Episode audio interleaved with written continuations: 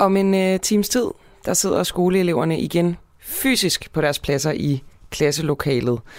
Og som noget nyt, så opfordres de her elever fra øh, første klassetrin op til at tage en selvtest, eller måske skal deres forældre gøre det på nogle af dem, øh, en selvtest for corona to gange om ugen derhjemmefra. Øh, Peter Busk, du er øh, lektor i medicinalbiologi på Roskilde Universitet. Virker hjemmetests? De virker til med en øh, følsomhed på 60, 20, 50-60 procent på de bedste. På de bedste? Så en lille smule, ja. ja. Og, og, og har de her skoler, folkeskolerne, har de de bedste tests til rådighed? Øh, ja, det er de tests, de har til rådighed. Øhm, jeg kommer til at tænke på, om de her test, er det sådan, at de bliver proportionelt bedre, altså alt efter, hvor, hvor mange symptomer man ligesom har? Opfanger de bedre, når man har flere symptomer? Ja, det gør de. Øhm, men når, når du spørger dem, om de virker, så kan man sige, ja, de, de virker til at se, om nogen har, er syge eller har symptomer. Øhm, ja, har covid-19 ikke, som, som, som, som sygdom. Og vi er enige om, men, at når man har symptomer, men, men de, så smitter man mere, ikke også? Jo, det er vi også. Øh, men, men de virker ikke til at forhindre udbredning af smitte. Og hvorfor ikke det? Jamen, der er for mange... Øh, det, systemet er ikke perfekt. Så det vil sige, at det, det er jo meget... Altså, det er almindelig sund fornuft. Jamen, hvis man tester folk, øh, så opdager man alle dem, der er smittet. Men det vi kan se, det er i, i, øh, altså i, i en videnskabelig undersøgelse, det er, at selvom vi har testet rigtig, rigtig meget, altså for eksempel i april-maj sidste, eller, ja, sidste år, øh, hvor vi testede folkeskoleeleverne hele tiden, øh, så så vi ikke nogen øh, dæmpning af positiv procenten, og vi så heller ikke noget fald i øh, antallet af hospitalsindlæggelser. Så det ser slet ikke ud til, at den her masse testning den virker. Når vi taler folkeskoleelever, eller også helt generelt? Helt generelt. Helt generelt, okay. Men hvis vi så lige bliver i folkeskolen, for det er ligesom ja. det, der er øh, sagen lige nu. Ja. Hvad tænker du så, man skal gøre for, og hvis ikke testene virker, øh, hvad skal man så gøre for at forhindre den her smittespredning, som man jo frygter på folkeskolerne? Ja, altså først og fremmest så skal man gøre sig klart, at øh, omikron, altså vi får alle sammen omikron på et eller andet tidspunkt. Øh, så det er måske et spørgsmål om at forsinke det lidt. Det man kan gøre i folkeskolerne, det er at forbedre udluftningen, øh, lave luftudskiftning, hvor man øh, kører luften igennem en maskine, som UV-bestråler den, som så slår virusen ihjel. Øh, så sådan nogle ting kan man gøre. Og det er mere, det er mere effektivt end, end testning. Men hvorfor gør man ikke begge dele? Øh, jamen, testning virker ikke. Altså, det er det, det, det, som vi har, vi har set. Vi har ingen evidens for, at det virker. Øh, og det, det er synd for børnene at blive testet hele tiden. Hvorfor det? Altså, i, jamen, øh, når man bliver testet hele tiden for øh, en sygdom, man ikke fejler, men... Øh, så, så, så udvikler man hypokondri. Altså, det er jo det er i virkeligheden, en, man uddanner børnene til at være øh, øh, ja, altså, i retning af hypokondri. Ikke? Og er, er det noget, som I har undersøgt? det er ikke noget, som vi har undersøgt. Det er noget, som øh, Tænketanken Atlas har undersøgt. Alright, fordi jeg tænkte, at øh, man kan vel også omvendt sige, at børn, som jo godt kender til den her sygdom nu, måske var det en, en meget god ting at sige til dem, jamen prøv at høre her, alle dem, som du sidder sammen med, de, øh, de er testet, og de er negative. Ja, men øh, de, de, altså, de bliver jo kun testet hver anden eller hver tredje dag. Øh, de bliver testet med en test, som har en, en øh, 50% sikkerhed. Altså selv PCR-testen, den fanger... Nå jo, hvis vi snakker deres angst, altså vi behøver jo ikke sådan... Øh, altså, de Nej, ved jo bare, de bliver testet, kommer, kan man sige. Angsten, angsten kommer af, at de voksne gør, at børnene de skal være bange for en sygdom, som de ikke bliver syge af. Altså, du kan jo også gøre dem bange for små æderkopper, øh, som ikke er farlige, ikke? Okay. Øhm, så, så, så, så, så det er der, angsten kommer fra. Altså, det er de voksnes angst, der bliver projiceret over på børnene. Så de her øh, test to gange om ugen, Peter Busk, dem mener du ja. altså er fuldstændig overflødige. Øhm, vi skal nok øh, forholde en politiker til det lige om lidt ja, og høre, ikke, hvad, hvad, det er hvad hun siger. Ikke noget, jeg, det er ikke noget, jeg, jeg, jeg mener. Det er noget, vi har undersøgt øh, videnskabeligt. Så den eneste videnskabelige evidens, vi har på området, det viser faktisk, så det er imod videnskabelig evidens, det der foregår. Og det forholder vi uh, Christina Thorholm, som er sundhedsfører, ja. ordfører i Radikale Venstre. Peter Busk, tusind tak, ja. fordi du var med her. Selv tak. Så lydes godt i gang. Åh oh ja, og godmorgen, ja, godmorgen. Christoffer. Og du hedder Camilla Boracke, skal lige siges. Og jeg skal lige jeg sige, at som du nævnte her, Christina Thorholm, hun er med om et uh, kort øjeblik.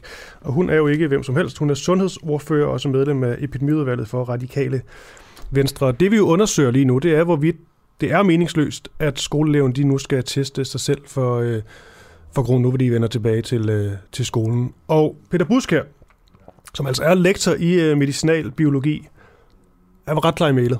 Ja, det må man sige. Helt utvetydigt, så virker tests ikke. Testning virker ikke. Ingen videnskabelig evidens. Men øhm, ja, dit første spørgsmål, det var jo, hvorvidt de her hjemmetest øh, virker. Og det er jo øh, det gode og klare spørgsmål, så jeg kan jo egentlig også bare stille det samme til dig, Christine Thorholm. De her hjemmetest, virker de? Og godmorgen. Godmorgen. Ja, vi ved jo godt, at og det var, det var en redselsfuld forbindelse, det der. Ja, du, du falder lige lidt ud af, Christine. Prøv lige at se, om du måske kan bevæge dig et stykke hen til et vindue eller et eller andet. Ja, jeg ved, at det synes jeg havde... Christine, vi kan... Du, øh... du lyder som en robot, simpelthen. Simpelthen. Men er, er du ved et vindue? Fordi det, det lyder mærkeligt, men det virker faktisk nogle gange. Det kan også virke at svinge telefonen rundt om over hovedet. Hmm.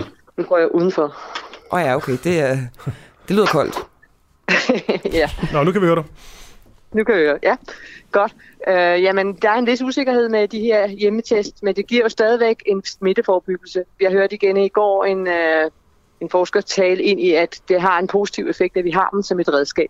Hvem men det, det giver jo ikke... Jeg, jeg skrev ikke navnet ned, derfor jeg sad i en radio og hørte det, ikke? eller jeg sad i en bil og hørte det. Ikke? Mm. Nå. Nu falder du lidt ud ja. igen, Christina. Det er lavt. Men prøv at bevæge dig et nyt stykke, øh, et nyt sted hen eller et eller andet. Op på en bakketop, ikke? Jo.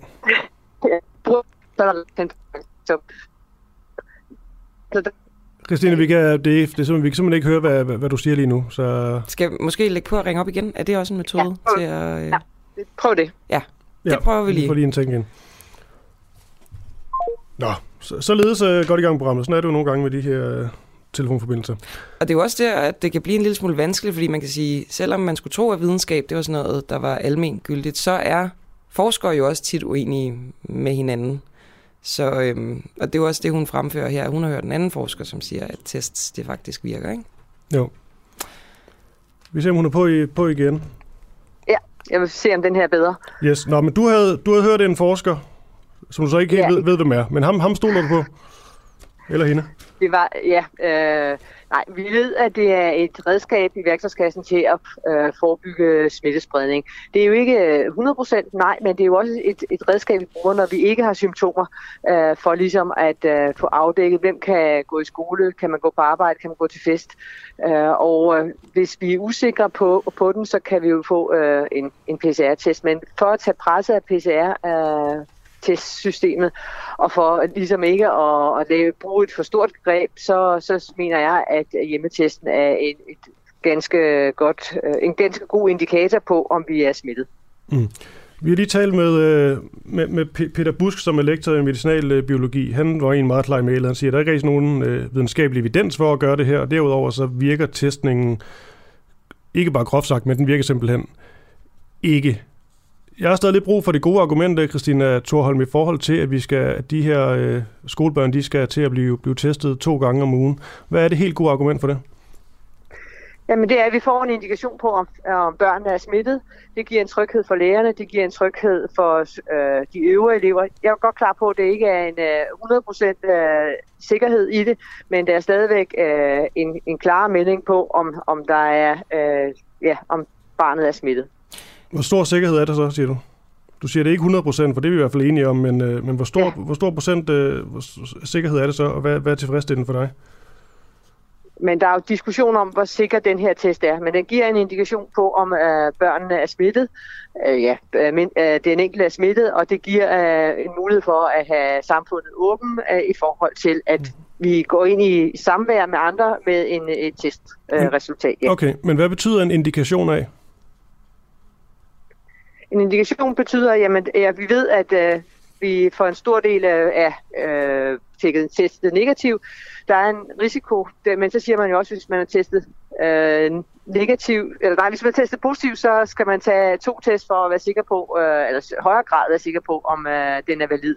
Og i øvrigt så gå ud og tage en PCR-test, hvis, hvis den er positiv. Så der er et, et øh, regime i det her. Jamen, test en gang, test to gange, tag en PCR øh, i forhold til sikkerhed. Men det er jo stadigvæk... Og gør det trods alt øh, noget ja. nemmere i vores hverdag, at vi kan teste hjemme, øh, frem for at vi skal ned på et testcenter, når vi skal teste, befolkningen skal teste så meget, både i forhold til at øh, skole, i forhold til mødeaktivitet, øh, og ja, den almindelige samfundsaktivitet. Så på den måde, så synes jeg, det er et greb, som, øh, eller mener vi, at det er et greb, som øh, understøtter, at vi kan holde samfundet åbent. Men der er jo alligevel, det, det er jo alligevel noget, de her, de her unger, de skal jo så lige pludselig testes to gange øh, om ugen, og det er jo øh, ikke særlig sjovt, man er generelt også ved at være lidt, øh, lidt træt af det her, går nok ud fra. Så har man vel brug for at vide, at der virkelig er videnskabelig evidens for det, vi gør, og at denne her testning, den virker. Men lige nu er der jo bare nogle procenttal, der viser, at rigtig mange af de her tests, de giver et svar, som man ikke rigtig kan, kan bruge til noget. Er det ikke et problem? Ja. Øh, det er da mindre tilfredsstillende, at de øh, ikke har en, en, øh, en større sikkerhed, men jeg synes det stadigvæk, at det er et, et sikkerhedsnet, som vi spænder ud for at kunne være øh, et mere åbent samfund. Og det, det fanger jo, vi ved jo alle sammen, at det fanger op øh, på, på, på, på smittet, øh, også når man har ikke har symptomer. Så, så på den måde, så fanger det jo op på folk, øh, som, øh, som ikke går ud og smitter andre. Er det her falsk tryghed? Der er en grad af falsk tryghed i det, og hvis der kommer øh, mere modvind på dem, så er vi klar til at tage vores vurdering op igen. Øh, men som det er nu, så mener jeg, at det giver en mulighed for at holde samfundet mere og, åbent. Ja, og er falsk tryghed, er det bedre end ingen tryghed? Det kan man jo sige, det kommer ind på i graden af falsk tryghed. Uh, så, så på den måde så er det et, et greb for, at vi kan holde samfundet åbent, og at vi ikke skal stå i lange køer på testcentrene. Jeg, jeg synes, det er lidt spændende det her med, med tryghedsbegrebet, om det er falsk eller ej. Øhm, Christina Thorholm, du starter med at sige, at du, du ved, at øh, det gør børnene mere trygge. Der var Peter Busk egentlig også ret klar i mailet. Han siger, at øh, alt det her testning, uden at man har symptomer, uden at man er syg, det kan føre til hypokondri. Øh, hvorfra ved du, at børnene bliver trygge af at blive testet? Det, jeg siger ikke, at det gør dem trygge at blive testet. Det gør dem trygge i forhold til at være i, i skolen, fordi at, at de ved, at uh, kammeraterne er Altså det gør testet. dem trygge at blive testet at være i skolen? Det gør, det er det at kan være i skole, uh, og at de ved, at uh, de andre er testet. Det er, at forældrene er, er, trygge, er mere trygge ved at sende deres børn afsted, fordi de ved, at de andre er testet øh, selvom der er en, en øh, vis usikkerhed på de her test. Altså så dit øh, rationale er, at for at de kan komme i skole, så skal de være testet, og det gør dem tryggere at være i skole? Det, det at have en normal hverdag, det, er, det skaber tryghed hos børn, og når forældrene øh, sender deres børn afsted med en højere grad af tryghed øh, ved, at de kan være der uden at blive smittet, så, så trives børn også bedre. Vil du kalde det en normal hverdag at få en øh, vatpind op i næsen to gange om ugen? Nej, når man ikke har nogen symptomer? Ikke, det er ikke en normal hverdag, vi lever i nu, og vi skal, vi skal tage de tiltag, der er nødvendige for, at vi kan holde samfundet mest muligt åben, og der er det her et greb. Der er en kritik af de her, og der er en usikkerhed, ja. Uh, og det er det, vi uh, har som et værktøj nu. Jeg synes, det er mere, uh, det er mere enkelt for familiernes hverdag, at de kan teste hjemme, end de skal hen på et testcenter. Uh, og det er, det, det er en af de uh, årsager til, at jeg, jeg synes, at det er en god idé, at de har har fået den mulighed. Men der findes jo også øh, alternativer. Peter Busk han øh, fremlægger øh, både noget med nogle øh, udluftningssystemer, noget, noget UV-lys, som han så mener, øh, altså eller som han så siger, at der er evidens for, virker bedre end tests. Kunne det ikke være en idé for jer? Fordi så er vi jo tæt på faktisk at simulere noget, der ligner en normal hverdag, og dermed give børnene den tryghed, som de jo har hårdt brug for. Jeg er helt enig i både UV, ionisering, ozon, af nogle af de mange løsninger, som øh, de private virksomheder er kommet med. Hvorfor gør I så ikke det? Jeg har rettet henvendelse til ministeren, fordi at jeg har hørt om de her løsninger øh, fra både virksomheder og fra forskere. Igen, jeg, jeg har, kan, kan navngive dem, hvis jeg kommer til en computer. Øh, men øh, jeg synes, det er en rigtig god vej, altså, og den har vi ikke været særlig langt nedad. Eller den, øh, jeg forstår, at det har ikke været udbredt undersøgt øh, i altså, og diskuteret i epidemiudvalg, det har jeg derfor rejst spørgsmål om, fordi jeg mener, det er en meget væsentlig greb, og vi kan skal længere ned ad den vej. Er du klar til at øh, slette testene og gå med den løsning i stedet for? Det vil jeg gerne have nogle fagfolk til at, at give mig en tilbagemelding på, fordi at, at der Hvis er de så giver en meget positiv kritik. tilbagemelding, er du så klar til det? Ja, det er, er vi som radikale, ja. Fordi det er, hvis, hvis der er øh, bedre evidens for, at smittes reducerer på den måde, så, så er det jo selvfølgelig en, en, den vej, vi skal gå. Jeg har lige et, øh, et sidste spørgsmål, så skal vi nok øh, slippe dig, Christina. Det er bare i forhold til det her med... Jeg vender lige tilbage til det her med, med, med, med falsk tryghed. Du sagde, at falsk tryghed vil nok er bedre end, øh, end ingen tryghed. Og du har også talt om det her med, at det er godt, at forældrene har en tryghed, når de sender deres børn i skole.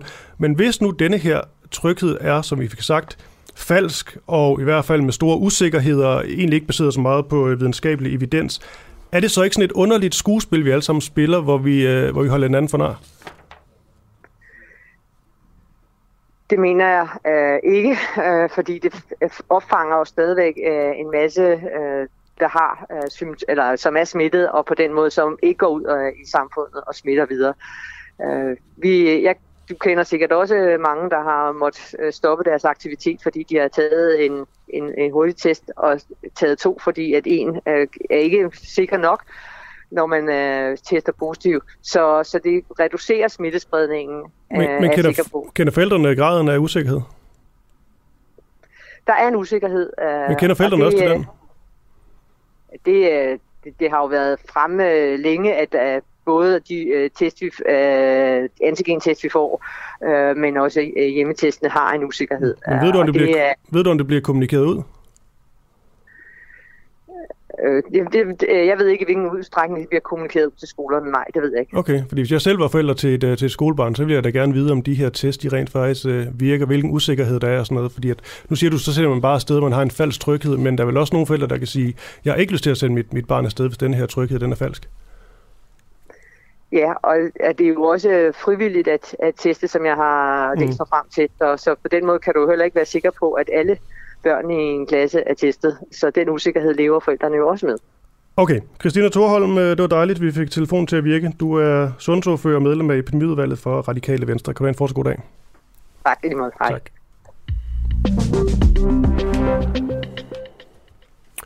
Camilla Bragi, vi kan vist øh, lige nå nogle nyheder, inden vi om et kort øjeblik taler med, øh, med Christian, Christian Hegård.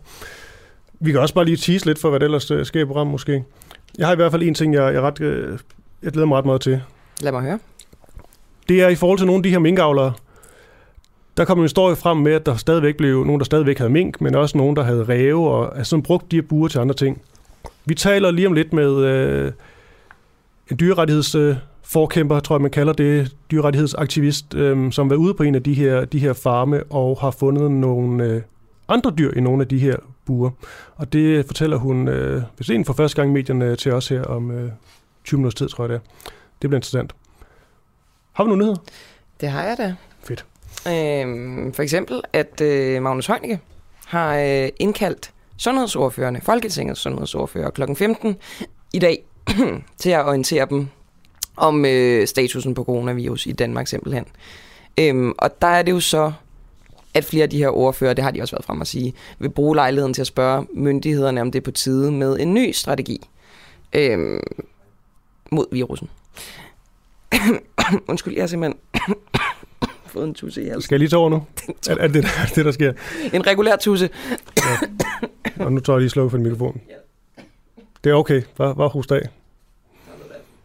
Så kan jeg til gengæld sige, at man øhm, kan sms ind på 1245, bare skrive DUA som mellemrum din besked. 1245 DUA mellemrum din besked. Du kan også gå ind på, på Facebook, og når du er inde på Facebook, så kan du se et øh, livestream af Camilla, der hoster, eller andet, og, øh, og kommentere det også. Vi, øh, vi prøver at tage så mange spørgsmål med, vi overhovedet, vi overhovedet får.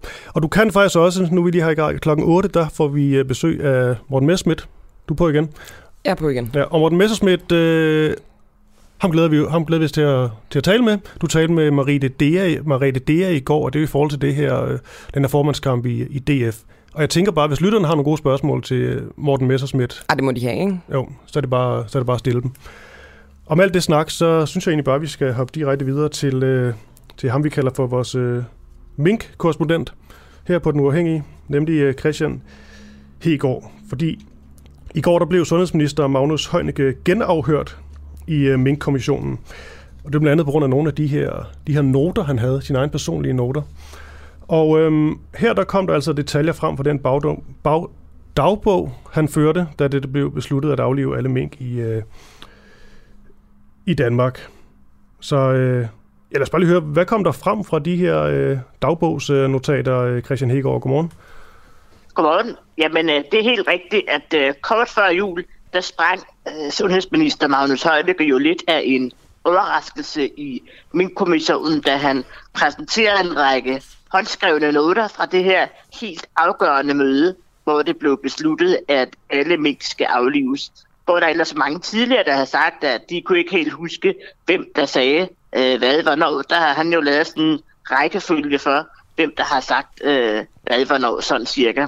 Og man skal huske på, at min kommissionen har bedt ministre og embedsmænd sende alle de relevante dokumenter, de ligesom øh, havde på sagen helt tilbage i, i foråret. Men det var først øh, i, øh, i december, at øh, Højnicke fortalte om sine noter. Og det var altså en fortsættelse af den snak, øh, der var i Mink-kommissionen i går, hvor Højnicke var til genafhøring, fordi man gik over tid øh, i den afhøring af ham, der var før jul. Og det han sådan blev særligt mm. spurgt ind til, det var det her med, jamen, øh, er du nu helt sikker på den rækkefølge, du nævner, og så videre. Og det slog han altså fast øh, flere gange, ligesom man også fortalte om, hvad hans rolle var i, øh, i det her afgørende møde. Men lige Christian Hegård, altså han, øh, han skulle have lagt dem frem tidligere, men han lagde dem først frem altså langt senere. Hvorfor gjorde han det? Ja, det er jo et godt spørgsmål. Det er sådan, at Mink-kommissionen skriver allerede i april måned sidste år, øh, altså for godt 8-9 måneder siden, til alle ministerierne om, at nu skal de altså sende de dokumenter, de har på sagen, sådan så de stille og roligt kan begynde at forberede de afhøringer, som vi nu ser. Det er sådan, at min kommissionen har øh, nærmest flere hundredtusind siders dokumenter, som de øh, sorterer i og viser frem løbende på skærmen, når det er, at, øh, at de afhører de her. De har altså valgt cirka 10.000 sider ud, ud af den 1 million øh, siders dokumenter, der er på sagen. Så derfor så vil de selvfølgelig gerne have alle de relevante dokumenter på det tidspunkt, de rent faktisk spørger om, øh, frem for sådan lidt i, i sidste øjeblik i, i december. Og der var der også rigtig mange af bisiderne for, for de andre, der bliver afhørt, der var lidt utilfredse med, fordi det gjorde, at de ikke rigtig kunne forberede sig, når det ligesom kom øh, ud af det blå, de her håndskrevne noter. Men hvad siger han selv? Hvad, hvad er hans forklaring? Magnus Heunicke's egen forklaring var, at øh, lige op til hans egen afhøring, jamen der talte han med sin bisider sin advokat om, øh, hvad han, hvad, hvordan han skulle vurdere øh, de her noter, og det, det så han ligger væk på, jamen det er, efter anbefaling fra hans bisider, så lagde de så altså de her håndskrevne noter frem i, øh, i december, for han siger, han, han var ikke jurist, så han, han vidste ikke, at det først var, var, var, var på et tidligere tidspunkt, at han skulle have lagt dem frem. Det, det, ja, det, det forstår jeg simpelthen ikke. Altså, hvad er det, fordi han ikke anså det for at være dokumenter, fordi det var håndskrevne, eller hvad? Det, at, accepterer de den forklaring? Det, det, det, kan, det kan i hvert fald være til at være noget af det, som kommissionen i hvert fald formentlig kommer til at tage stilling til. Men nu er det jo sådan set øh, fremme. Det var meget tydeligt, at øh, kommissionen også allerede i december måned havde en række spørgsmål til, jamen, hvorfor kommer de først øh, frem nu? Altså, det, det må han jo vide. Øh, lå det lidt i luften i hvert fald, at, øh, at det skulle have været frem allerede tidligere. Men det var altså efter en anbefaling fra hans biside, den advokat, som øh, repræsenterer ham i, i kommissionen, at, øh, at det valg blev, blev truffet. Øh, man kan også sige, at det... Ja. Ja, nej, det er bare mig, der rummer mig. Det er simpelthen en dårlig hals her. Tal bare videre, øhm, Christian, i går. Og, og, det var det, der gjorde, det var det, der gjorde, at de først kom frem i, øh, i december, og det, øh, det var der mange, der, der kritiserer stærkt, fordi det vendte lidt op og ned på den rækkefølge, som mange andre ellers har sagt, at folk sagde hvad på, på det her møde. Mm. Jeg skal lige høre en ting, Christian Hegård. Når man ligesom læste øh, nogle overskrifter i går på, øh, hvad, der ble, hvad der blev sagt, så var mange, der fokuserede på, at Magnus Højne kan virke til at have været ret bevidst om, at det her det kunne få hoveder til at rulle. Altså det var en meget, meget alvorlig, alvorlig sag. Hvad var det, han sådan mere øh, konkret sagde? Jamen, en af de mest øh, bemærkelsesværdige ting, der kom frem i går, det var, at Magnus Højnække øh, da Fødevareministeriet skal lave en redegørelse over, hvad der er sket, hvornår, der skriver Magnus Heunicke internt i departementet i Sundhedsministeriet, at det her, det er ikke øh, en helt almindelig sag. Den skal de virkelig have hands on på, fordi det her, det kan koste flere ministre livet. I bedste fald, skriver han, og i værste fald, who knows, altså hvad kan der så ske? Øh, så han ser meget alvorligt på den her sag, kan man tydeligt se, når han skriver internt i sit eget departement, at det her det kan koste flere ministre livet. Det viser sig øh, indtil videre, at det kun øh, har kostet Mogens Jensens hans politiske liv. Mm. Og alt det her, det er jo selvfølgelig øh, øh, meget interessant. Også noget, man kan skrive store overskrifter over. Men trods alt, det, der kom frem i går, var det noget, der, der rykkede ved, øh, ja, ved, ved noget som helst, og i forhold til øh, Socialdemokraternes øh, andre med til det her øh, rolle? Altså var der et eller andet, hvor man siger, nu begynder det at, at vakle under dem, eller var det trods alt bare afhøring nummer to og så videre? Det her, det var afhøring nummer 26, eller og nu mener afhøring nummer 26. Ja. Men, øh, men i forhold til det her med, at det var lidt spændende at læse, at øh, han så meget alvorligt på det, så det er nok ikke det, der lige sådan rykker sagens kerne og sagens øh, materie. Der vil det blive kigget mere på, jamen hvad var det, øh, Magnus Heunicke helt øh, præcis sagde på det her møde, og hvor vidste han det fra. Øh, og et eksempel er, at han lagde meget vægt på, at øh, der flere ministre spurgte ham, er det nu virkelig nødvendigt at aflive alle mink? Jamen så svarede han sundhedsmæssigt, at han havde lige talt med Kåre Mølbak, og Kåre Mølbak havde fortalt ham kort inden mødet, at øh, han ikke mente, at man kunne have mink i det omfang, øh, som man har, og at Kåre Mølbak ikke kunne se anden vej end at slå alt ned. Og det er måske mere sådan nogle ting, som mm. øh, bliver relevante, når det er, at Mink-kommissionen øh, til, til sommer til foråret skal lave deres beretning af, hvad der sådan øh, er sket. Ja, for her til sidst, Christian Egård, det jeg jo mente med afhøring nummer to, det var jo, at det var Magnus Heunicke's øh, anden, han blev ligesom øh, genafhørt, fordi det ikke blev færdig i sidst. Og det er en jeg tænkte, at nu, øh, nu øh, beskæftiger os ved det i medierne, og det får jo også en masse overskrifter og sådan noget. Men sådan en, en genafhøring, jeg tænkte bare, at det kan også være, at der dybest set ikke var så meget kød på. Ja, altså, han, han skulle fortælle de ting, som, øh, som han nu engang øh, vidste øh, og kunne huske fra dengang. Men det, jeg synes var det centrale, det er, at han i hvert fald sagde, at han holder fast i, at det var den rækkefølge, mm. som han sagde i, øh, i hans stoter, der sagde, fra, fra hvem sagde hvad, hvornår, for der har været nogen, blandt andet Mette Frederiksen og Simon Kollerup, der har været inde og så lidt spørgsmålstegn ved, om Magnus Heunicke's noter nu var rigtige, efter de kom frem øh, på lidt dramatisk vis i december. Christian Egaard, tak for det. Goddag, fortsat god dag. Selv tak. Godmorgen. Godmorgen. Vil du gerne have et nyhed, nyhedsoverblik uden host, eller vil du have, at vi skal ringe til? Vi kan prøve. Vi kan også lige prøve at tease lidt for Margrethe Augen. Hvad vil du helst? Uh, helst. Jeg vil altid gerne noget med Margrethe Augen. Ja, det der er, det er, at 7.40 øh, har vi en aftale med uh, Margrethe Augen, og klokken er 7.27, så vi nærmer os.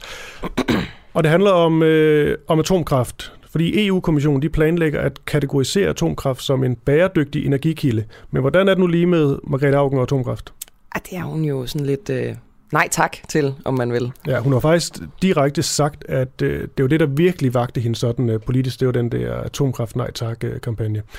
Så spørgsmålet er, om hun er klar på at kalde det for en bæredygtig energikilde? Ja, og hvad, hvad vil hun gøre? Hun sidder nede i parlamentet. Hvad vil hun gøre, hvis, øh, hvis de altså slår det fast, at det, det er det? Lige nu ligger det jo på, sådan noget, på et udkastplan. Ja. Øhm, det bliver spændende at høre. Og, og hvorfor egentlig? Hvorfor holder hun fast i, at hun er imod atomkraft? Ikke?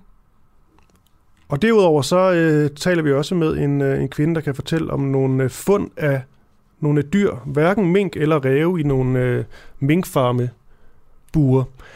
Det glæder mig også personligt meget til. Det er faktisk her om lige et par, par minutter før. Det taler lige med Steffen Larsen. Hvis du har en enkelt øh, nyhed, så kan vi faktisk godt nå det. Klart. Jeg synes, det er ret spændende, at øh, der er en, øh, en skole på Bornholm, hvor en øh, 8. klasses årgang fra i dag og frem til vinterferien vil være opdelt i drenge- og pigehold. Altså det er sådan mm. drenge-pigeskole-agtige forhold. Øhm, og det har jo så selvfølgelig vagt en, en masse røre, og det er så et eller andet med, at drengene forstyrrer pigerne. Det er jo, det er jo ikke noget nyt, altså hvis jeg nu bare skal tage min egen personlige erfaring. Øh, men men, men øh, det er sådan noget med, at øh, den her skoleleder, han mener, at man opdeler jo tit for, altså, de her klasser enten efter niveau eller alt muligt andet, så hvorfor ikke gøre det efter relationer, som man kalder det? Så ja, vi må se, om han vil holde fast i. Man kan jo, altså, man kan jo bare høre på, når man siger, at vi har delt dem op i dreng- og pigeklasser. Det lyder lidt kontroversielt. Mm. Så kan jeg jo sige, at øh, det er ikke i højt. Steffen Larsen, vores øh, kollega her på kanalen, vi skulle ringe til nu, han tager ikke telefonen. Og det, og det er så typisk, når det er en øh, kollega. Nå. Om ikke andet, så, så har jeg også en, en, en anden nyhed. Fordi i eftermiddag kl. 15, der mødes øh, Folketingets øh, sundhedsordfører med sundhedsminister Magnus Heunicke. Det er til en orientering om status på coronasituationen i Danmark.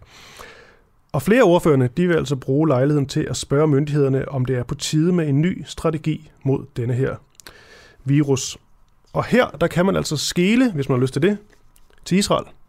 Fordi Israel, de er simpelthen konkluderet nok fordi, at omikron her, varianten, der, den er smitsom, men mindre farlig, at det rigtige at gøre, det er som at droppe den her teststrategi, landet har været ret så berømt for, og, og, og trumfet igennem. Men så vidt jeg har forstået, der dropper Israel landets teststrategi, og så lader de simpelthen bare smitten rase her i, øh, i januar. Flokimmunitet, mm-hmm. lyder det som om. Men det vi ved indtil videre i forhold til det her møde klokken, øh, klokken 15, der virker det til, at sundhedsordførende fra særligt Blå Blok, de øh, har store planer om at justere coronaindsatsen ret så markant, og altså i hvert fald ikke forlænge de her nuværende restriktioner, når de, når de udløber. Ja, de vil nok gerne åbne en masse af, af erhvervslivet igen, så meget de nu, nu kan, ikke? Det er i hvert fald det, man hører, men så også faktisk, nu siger jeg erhvervslivet, men det er også sjovt, Per Larsen fra Konservativ, han har udtalt til Ritzau, at jeg håber på baggrund af de positive meldinger fra SSI, at vi kan få løftet nogle af de her restriktioner ret hurtigt. Her tænker jeg på særligt kulturlivet med biografer, teatre og museer. Men det rigtig Martin Gertsen fra, fra Venstre, han vil vist, øh, også gerne have åbnet det hele op. Der skal virkelig være nogle gode grunde til, at det ikke kommer til at ske. Men det er altså klokken, øh, klokken 15, der, der er et møde omkring, hvordan fremtiden den bliver med de her øh, restriktioner.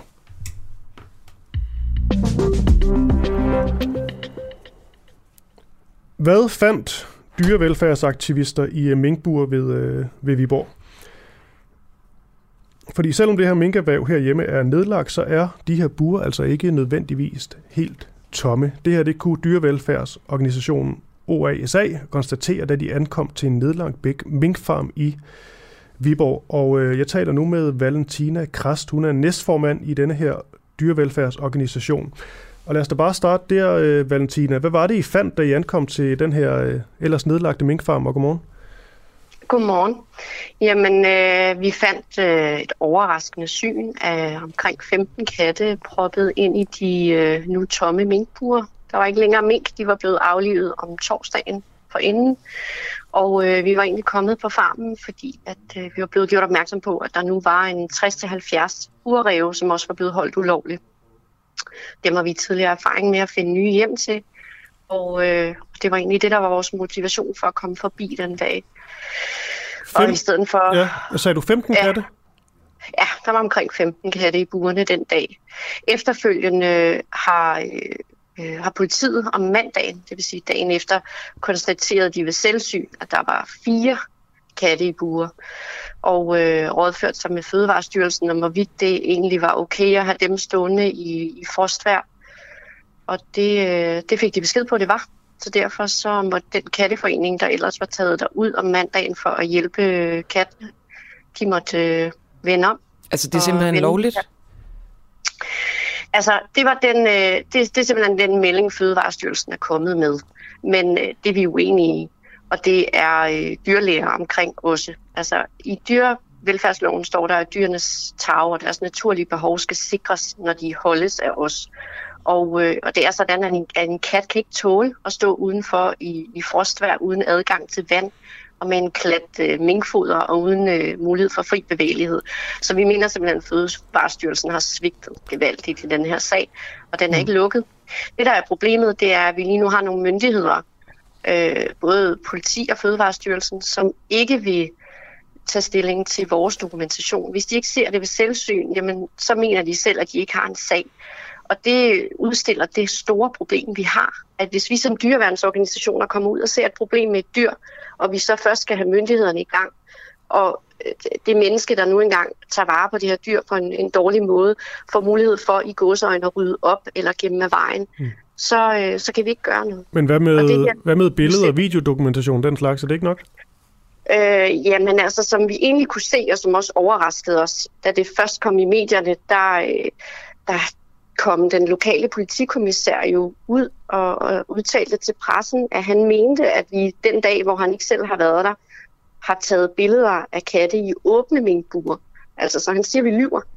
Og det gjorde selvfølgelig, at vi skruede bissen en lille bit smule på, fordi der må være... Øh, altså en ting er, at vi skal diskutere, om noget er lovligt. En anden ting er, at vi som dyreværnsorganisation stiller os allerforrest der er klar til at tage, øh, tage de diskussioner, der kommer for vores dokumentation. Men hvis vi også skal beskyldes for at lyve, så bliver vi nødt til at lægge mere frem. Okay, Valentine, nu skal jeg jo selvfølgelig lige sige, at vi har også været i, øh, i kontakt med øh, en minkfarmer her, og øh, mm. han vil ikke udtale sig og benægter i øvrigt også de her, de her anklager. Men det er selvfølgelig for lige at det med. Jeg vil også sige, at vi har set noget billeddokumentation, men det er jo så også svært for os helt at vurdere, om, øh, om det er mm. derfra og så videre. Så der er så også nogle, øh, nogle, nogle ting, hvor vi lige har lidt, øh, lidt forbehold. Men trods alt, hvis nu tager dine ord for, for gode varer, mm-hmm.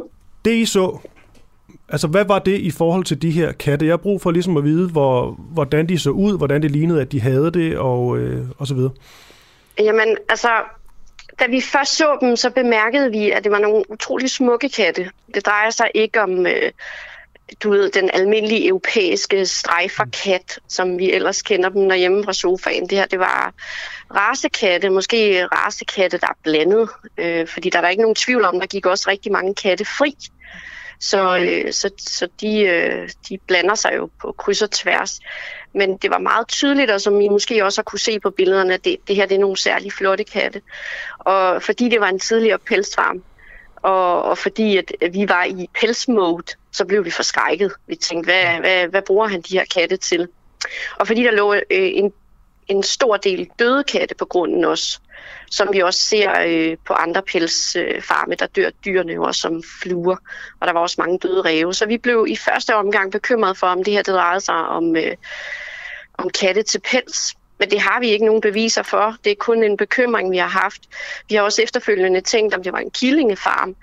Det har vi heller ikke nogen beviser for. Der var ikke nogen killinger eller øh, umiddelbart øh, drægtige katte at se i de buer.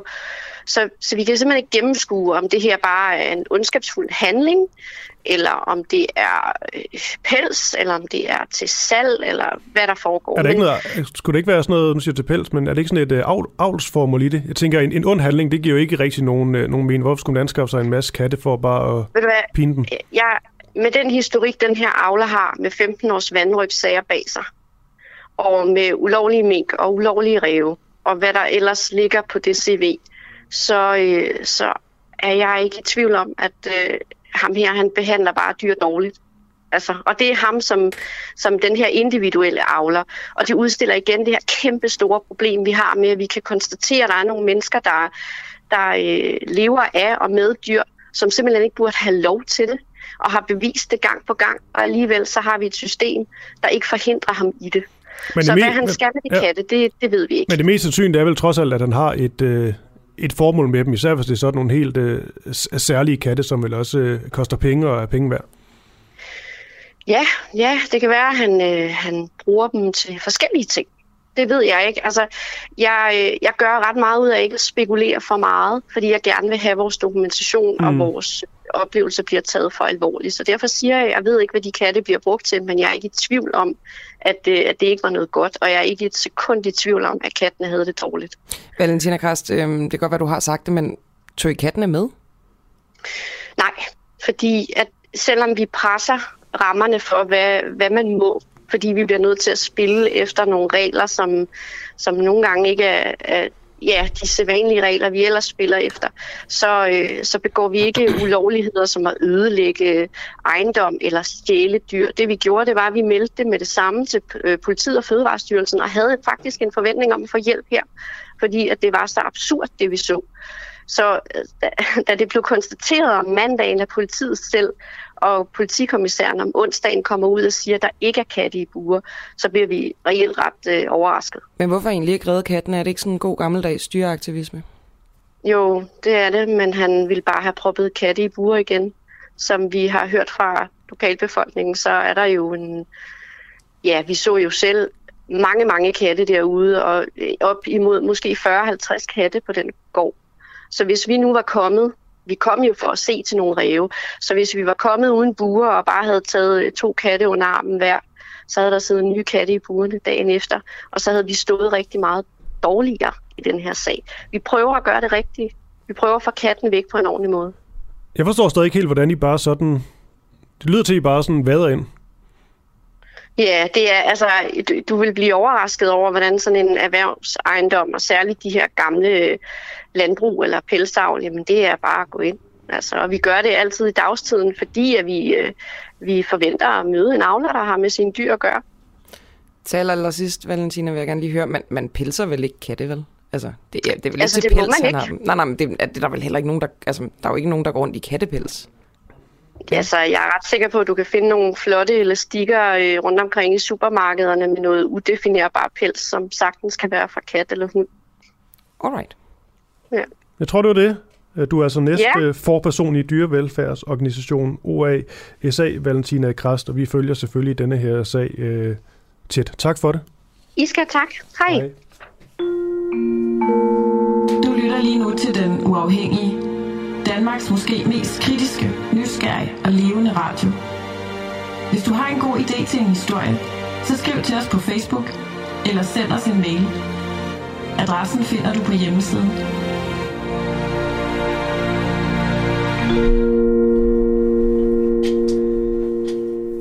Er atomkraft grøn energi? Vi har øh, været forbi det et par gange, Christoffer, i løbet af morgenen. Og hos et øh, dansk firma, der vækker det faktisk glæde det her med, at EU-kommissionen vil klassificere atomkraft som grøn energi. Det firma, det hedder øh, Seaborg Technologies, og øh, de laver blandt andet teknologien til flydende atomkraftværker. Troels Schönfeldt, stifter og CEO i Seaborg Technologies. Velkommen til Tak, tak. skulle lige sikre mig, at din mikrofon virkede. Det gør den. Kan du ikke lige fortælle, altså flydende atomkraftværker, jeg, jeg kender dem som sådan nogle store betonkasser, der står inde på land. Hvad er et flydende atomkraftværk? Jamen, et flydende atomkraftværk er et atomkraftværk, der er på en pram i vores tilfælde. Øhm, og det er fordi, man har brug for atomkraft i rigtig mange af de regioner, der ligger omkring ekvator, og der kan man ikke selv komme til at bygge den. Så det kan være ret smart at bygge den på værfter i for eksempel Sydkorea, og så transportere dem dertil. Og øh, hvad er det gode ved jeres øh, atomkraftværker? Hvad ikke gode? Jeg vil sige, at vores teknologi er helt anderledes. Vi bygger flydende saltreaktorer, øhm, og det er en teknologi, der adskiller sig meget fra de konventionelle atomkraftværker. Den Hvordan? kan for eksempel ikke nedsmelte eller eksplodere, og vi kan ikke udlede de her radioaktive gasser, som kan være et problem ved konventionelle værker under ulykker, øh, fordi de simpelthen er kemisk bundet i salten. Så kan vi ikke bruges til atomvåben, og så kan vi faktisk også brænde gammelt atomaffald. Så der er absolut ingen risiko for, for nogen eksplosioner. Jeg kunne også spørge på en anden måde. Hvad, hvad, der må være en hage ved det her. Nu ved jeg godt, at det er dit firma og så videre. Men altså, hvis du skulle sige noget, som ikke er godt ved det her, hvad er det så? Måske tager det lang tid at Jamen, vi har ikke så meget medvind, er jo, det er jo ikke så godt. Øhm, Og Men jeg vil sige, det? nu, nu siger du eksploderer. Altså, du kan selvfølgelig vælge at springe i luften. Du kunne bombe værket, hvis du havde lyst, øh, hvis du var terrorist eller bare havde lyst til en krigshandling. Øhm, hvis du gør det, så kommer de her radioaktive stoffer ikke længere, end bomben kan sprede det. Så man kan sætte et hegn op, og så kan man faktisk gå ind bagefter og rydde det op. Så, så det, det er rimelig magisk. Man kan sige, at hagen er mere i udviklingen. Det har ikke været... Øh, det er en teknologi, man udviklede i 50'erne, den første af de her reaktorer kørte faktisk i 50'erne. Og, øh, men i 60'erne eller starten af 70'erne, der sluttede man alle de her programmer, fordi man simpelthen ikke så, at man kunne udvikle de her teknologier færdige i datidens, øh, med datidens teknologier. Så, så man kunne ikke komme til at kommercialisere. Det mener vi så, man kan i dag, så der er en masse udviklingsarbejde, vi skal lave, og det er det, det, vi arbejder på. Men du siger det her med, at, at der ikke er tilslutning. Er det simpelthen derfor? Altså fordi det ikke er kommercielt nok, eller fordi det har et dårligt ry, eller hvor- hvor- hvor- hvorfor? Fordi det lyder... Altså, du, du står og siger, at det kan, man kan genanvende atomaffald, og, øh, og man- at det er fuldstændig sikkert og så videre. Altså, det lyder umiddelbart nærmest for godt til at være sandt. Hvorfor er der ikke mere medvind? Jamen, øh, det er der jo ikke, fordi man historisk set er meget mod atomkraft. Øhm, ja, de præcise grunde, det, det, jeg tror, de fleste ved, at folk er bange for affald og bange for, for, for ulykker.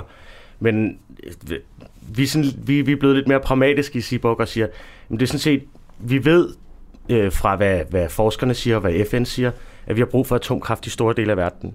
Ikke nødvendigvis her i Danmark, øh, men vi har brug for det i store dele af verden. Og øh, måske kan vi klare det i Danmark uden, men, men når vi har brug for det i verden, og vi ved, at konventionelle atomkraftværker både er dyre og ikke er særlig attraktive, så er vi nok nødt til at udvikle noget nyt. Så det er vi gået i gang med lidt uafhængigt af, hvad folk mener. Øhm, og når man gør det, så, man, så kæmper man selvfølgelig folk, øh, imod folks meninger. Men, men øh, vi ser det lidt som det omvendte SpaceX. Vi gør noget, som øh, alle har brug for, men ingen vil have. Hvor, hvor det med raketter i rummet, det er noget, alle vil have, men ingen har brug for. Men altså, du siger, at grunden til, at I ikke har medvendt, det skyldes altså, dårlig rygte for atomkraft. Er det så ikke bare jer, der er for dårlige til at formidle det, som du står og siger her, at, at det simpelthen ikke er i overensstemmelse med sandheden, i hvert fald når det kommer til jeres øh, værker? Altså nu er vi, øh, vi er 100 mand, og vi kunne selvfølgelig bare hyre nogle flere, der var gode til at snakke. Øh, vores fokus er på at udvikle teknologien, ikke på at vende befolkningens holdning. Og fordi det er en teknologi, der fungerer kommercielt, hvilket andre atomkraftværker ikke gør. Hva, så, hvordan øh, fungerer kommercielt? Kan du lige forklare det? Det vil sige, at den er billigere end andre energiteknologier. Eller det ser i hvert fald sådan ud. Så det vil sige, at vi kan konkurrere på markedsvilkår. Så har vi måske ikke brug for på samme måde at have befolkningen med os. Øhm, så, så vi har ikke, på, ikke samme behov for at have public opinion med os, eller for at have politikerne bag os. Så, så det lægger vi bare ikke den store af, fordi vi bruger vores fokus på at udvikle det her og gøre noget ved, ved verdens problemer. Hvis nu I fik bevillet altså 1000 medarbejdere, 10.000 medarbejdere, kunne I løse klimakrisen? Ja, det, jeg kan faktisk meget godt lide, at vi opererer øh, kommercielt. Jeg tror ikke rigtigt, vi kan løse klimakrisen uden at operere kommercielt. Men hvad nu? Nej, men det, det, det forstår jeg simpelthen ikke, fordi du siger, at jeres værker virker på den her måde. Det lyder ret fantastisk. Hvorfor ikke bare opruste fuldstændig vanvittigt fra statens side? Det må de jo i virkeligheden også have interesse i, hvis det, du siger, står til trone. Altså, ikke? altså så, så burde man da kunne redde klimakrisen. Nu kan du se den, den aftale nu, hvor der står atomkraft, der står også naturgas. Naturgas er meget lidt klimavenligt. Øh, det er faktisk en katastrofe klimamæssigt. Men det er selvfølgelig en lille smule bedre end kul. Men man putter det jo derind, fordi der er økonomiske interesser i. Så, så øh, hvis der ikke er nogen økonomiske interesser i noget, så løser det ikke rigtig noget. Så det, det er sundt at være kommercielt fungerende, fordi så vil pengene gå ind og løse det her. Vi har jo masser af oliebrugplatformer i dag, og det er jo ikke fordi folk tror, at øh, oliebrugplatformer er hverken sikre eller smukke, eller at olieindustrien er en god industri eller noget som helst. Men det er noget, vi har brug for. Og det samme her, hvis det er billigt, og vi har brug for det, så skal det nok ske, uafhængig af, hvad folk siger. Hvor, øh, hvorhenne opererer I? Ikke i Danmark, vel? Nej, vi, vi kigger primært på Sydøstasien, og grunden til det er, at man i Sydøstasien, der har man, eller generelt rundt langs ekvator, har man ikke rigtig noget vind. Og i store dele af verden rundt langs ekvator har man heller ikke noget sol, fordi man bor på jungleøer, og der er monsuner og, og skydedage. Så sol og vind virker ikke det meste af ekvator. Og øh, der bor faktisk cirka 3 milliarder mennesker, der ikke har adgang til de her fornybare energikilder, og som aldrig vil kunne komme ud af fattigdom med fornybare energikilder. Mm. Så de har brug for, at man, øh, man udvikler atomkraft. Så det er det, vi kigger på. Solsjønfeldt, der er lige en ting, jeg ikke kan lade med at stusse lidt over. Det er det her med, og det er også, når man taler om, øh, lad os bare sige, det vi kalder for helt almindelige klassiske atomkraftværker, øh, som ikke er flydende, men det er det med pris og tid, det tager at bygge nogle af de her. Jeg kan se i mine noter står der, at et togkraftværk for jer tager 5-10 år at producere. Det er lang tid, er det ikke? Øhm, nu siger vi, at vi er færdige med det første i 2026, og vi er faktisk ikke færdige med at tegne det færdigt i dag. Så øh, for os vil jeg sige, at det tager 18 måneder til 3 år at bygge et atomkraftværk, fra du køber det til du har det. Øh, det gør det selvfølgelig ikke i dag, fordi vi lige skal udvikle det færdigt, men det, det er målet. Øhm, I energisektoren generelt, du kan jo ikke, hvis du lagde alle pengene på bordet til en vindmøllepark i dag, så kan du ikke forvente, den stod der om 5 år. Øh, det vil nærmere tage 10. Så det tager tid i energisektoren, så, så, så hvis vi kan gøre det på under tre år, så er vi langt hurtigere end alle andre. Hmm. Øh, men, det er, men det har ikke gjort nu? Nej, vi har ikke gjort det nu, og der, der, er, bygget, der er bygget tre testreaktorer historisk. Øh, to i USA og en i Kina. Og nu har Kina lige startet den fjerde af den her type reaktor øh, for et par måneder siden. Så, så det er noget, der sker, det er noget, der har gjort før, men der er langt fra en prototyp til at virke i markedet. Og jeg skal lige have en sidste ting med. Jeg ved godt, det er sikkert noget, I er, er træt af at tale om, altså det her med øh, risikoen for, for ulykker, men det er trods alt noget, vi alligevel må tage med. For det er jo ikke, fordi det sker hvert år. Men når det så sker øh, sådan en atomulykke her, så er det jo så voldsomt, det har så vilde konsekvenser for, for mennesker, naturen, alt muligt. Øhm, er det ikke noget, du ligesom tænker over? At det her kan jo stadigvæk ske. Nu nævnte du terrorangreb og så videre, men det er vel noget, der kan ske. Man kan sige, at Fukushima, der talte man jo også om, den var helt sikker. Så kommer der en kæmpe naturulykke, en tsunami, ting man ikke lige havde regnet med, og så nedsmelter nogle af de her reaktorer. Vi kan vel ikke helt konkludere, at det kan ikke ske længere, fordi det kan det jo. Øh, jamen altså faktisk, nu... altså vi valgte jo den her teknologi af de der tre årsager. Ingen affald, og vi kan faktisk brænde affald, og så ingen våben og ingen ulykker. Øhm, og nu er atomindustrien i dag siger, at der kommer aldrig til at ske en ulykke, fordi det er så usandsynligt. Men ingen Vi siger, at der kommer til at ske ulykker. Tak, fordi ingen ulykker, det lyder simpelthen for... Jamen, men på et konventionelt atomkraftværk er man nødt til at gøre det sådan, fordi ulykkekonsekvensen er så stor. Ja. Vi kommer til at have ulykker. Øhm, men det der er, det er, at vi, den her salt, den kemisk indkapsler de her radioaktive stoffer. Så det vil sige, det kan ikke komme ud. Så, så selv de her slemme ulykker, hvis nogen kommer forbi og bomber værket, og det her springer i luften og rører ud over det hele, ud over havnen og ned i vandet og op på marken, så, så bliver det liggende der. Det størkner det her salt, og så bliver det liggende der. Der kommer ikke en stor gassky ud, så du skal ikke være bange for, selv, selv hvis du bor i samme by som den havn, skal du ikke være bange for at trække vejret. Men du skal selvfølgelig heller ikke gå ud og lege på den der plads, der nu er blevet bumpet, fordi det er radioaktivt derude. Så du skal ikke stille dig ud på pladsen. Der skal der nogle robotter ud og rydde op. Så skal du have et hegn op, og så skal du holde dig uden for det hegn. Det er, det, det er en meget anden ulykkesprofil. Så Hvad med de mennesker, kan, der er på platformen? Øh, altså dem, der er på prammen, hvis du bomber den, jamen det er jo selvfølgelig, det, er jo, det, de vil jo så, det, er jo, det vil være en tragedie. Eller hvis der var en naturkatastrofe? Jamen hvis der er en naturkatastrofe, så er der en naturkatastrofe. Nu vi er heldigvis på en pram, så tsunami og, og, og jordskælv og sådan noget er vi ikke så, så afhængige af, men hvis der er en meteor, der står ned, er det jo det samme som en bumpning. Okay, Troels, øh, vi skal videre til Margrethe Augen. Jeg tror lige, du bliver sendt ud for at lytte på, hvad Augen hun siger. Ja, jeg Og så- glæder mig til at Og så hvis du har et eller andet virkelig godt spørgsmål, så må du løbe ind i studiet og råbe det ind i mikrofonen. Okay, tak. Tak for det indtil nu.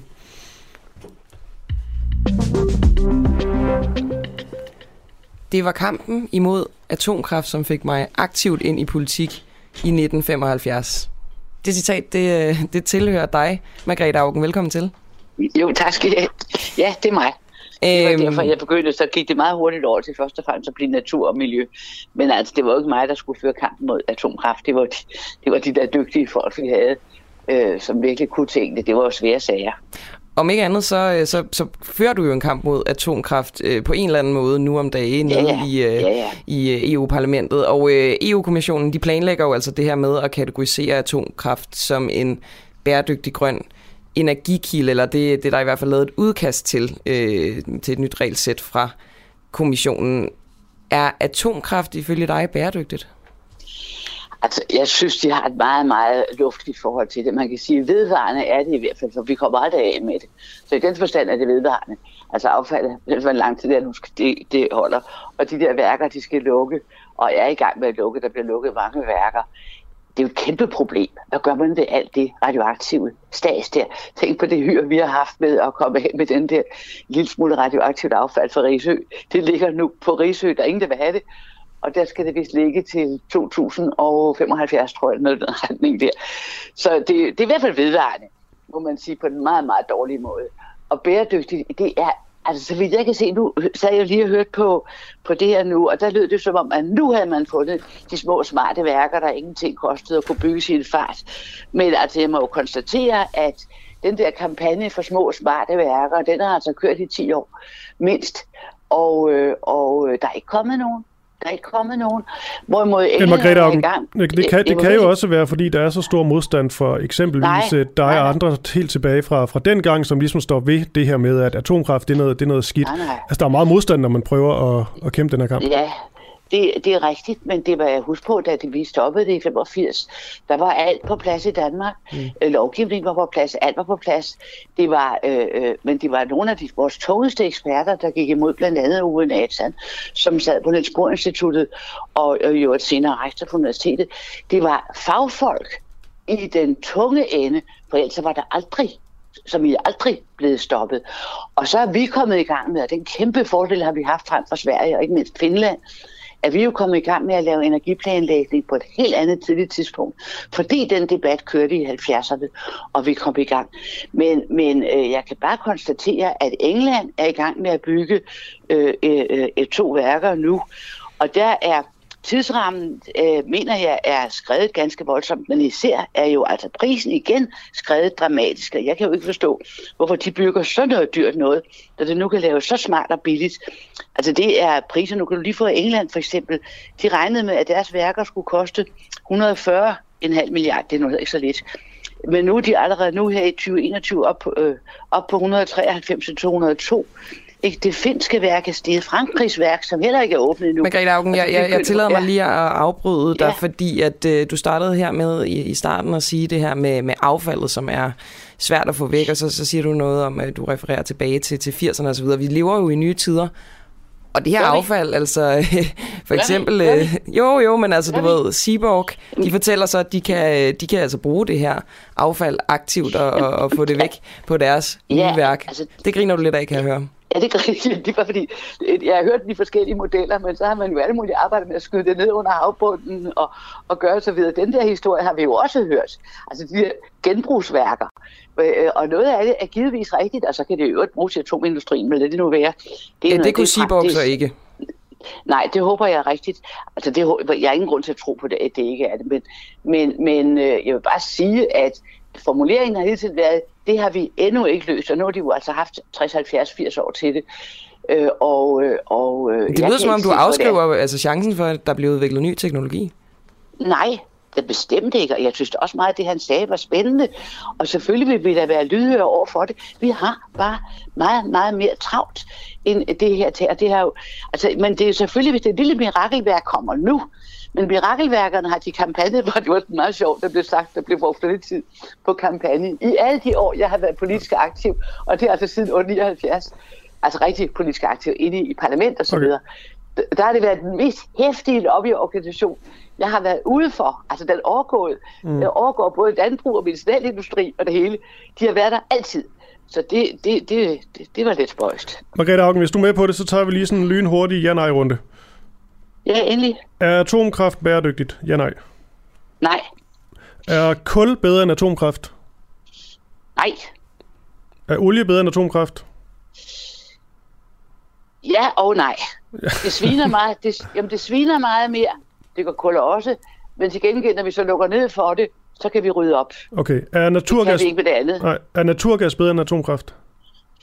Øh, ja og nej af samme grund. Naturgas udvinder metan, og det er altså en hæftig, en hæftig klimagas, øh, som vi derfor bør bekæmpe, og derfor skal vi ikke gå ind i de der naturgasprojekter. Vi skal bruge ægte, øh, øh, ægte fornybar energi. Okay, du mener trods alt, øh, kul det er det værre end, øh, end atomkraft, men du siger samtidig, at atomkraft ikke er bæredygtigt. Hvorfor er det ikke bæredygtigt? Fordi, fordi noget er værre end noget, der er slemt. det bliver det jo ikke bæredygtigt af. Altså, øh, og, og jeg siger, som det kører nu, jo, nej, på den anden måde. De, der har atomkraften, der synes jeg ikke, de skal lukke værkerne før tid. Fordi vi har, det har vi altså ikke tid og de store, store udgifter er lagt. Øh, de problemerne med at skulle lukke dem igen, slipper de jo ikke af med det, fordi det er en meget dyr omgang også at lukke de værker.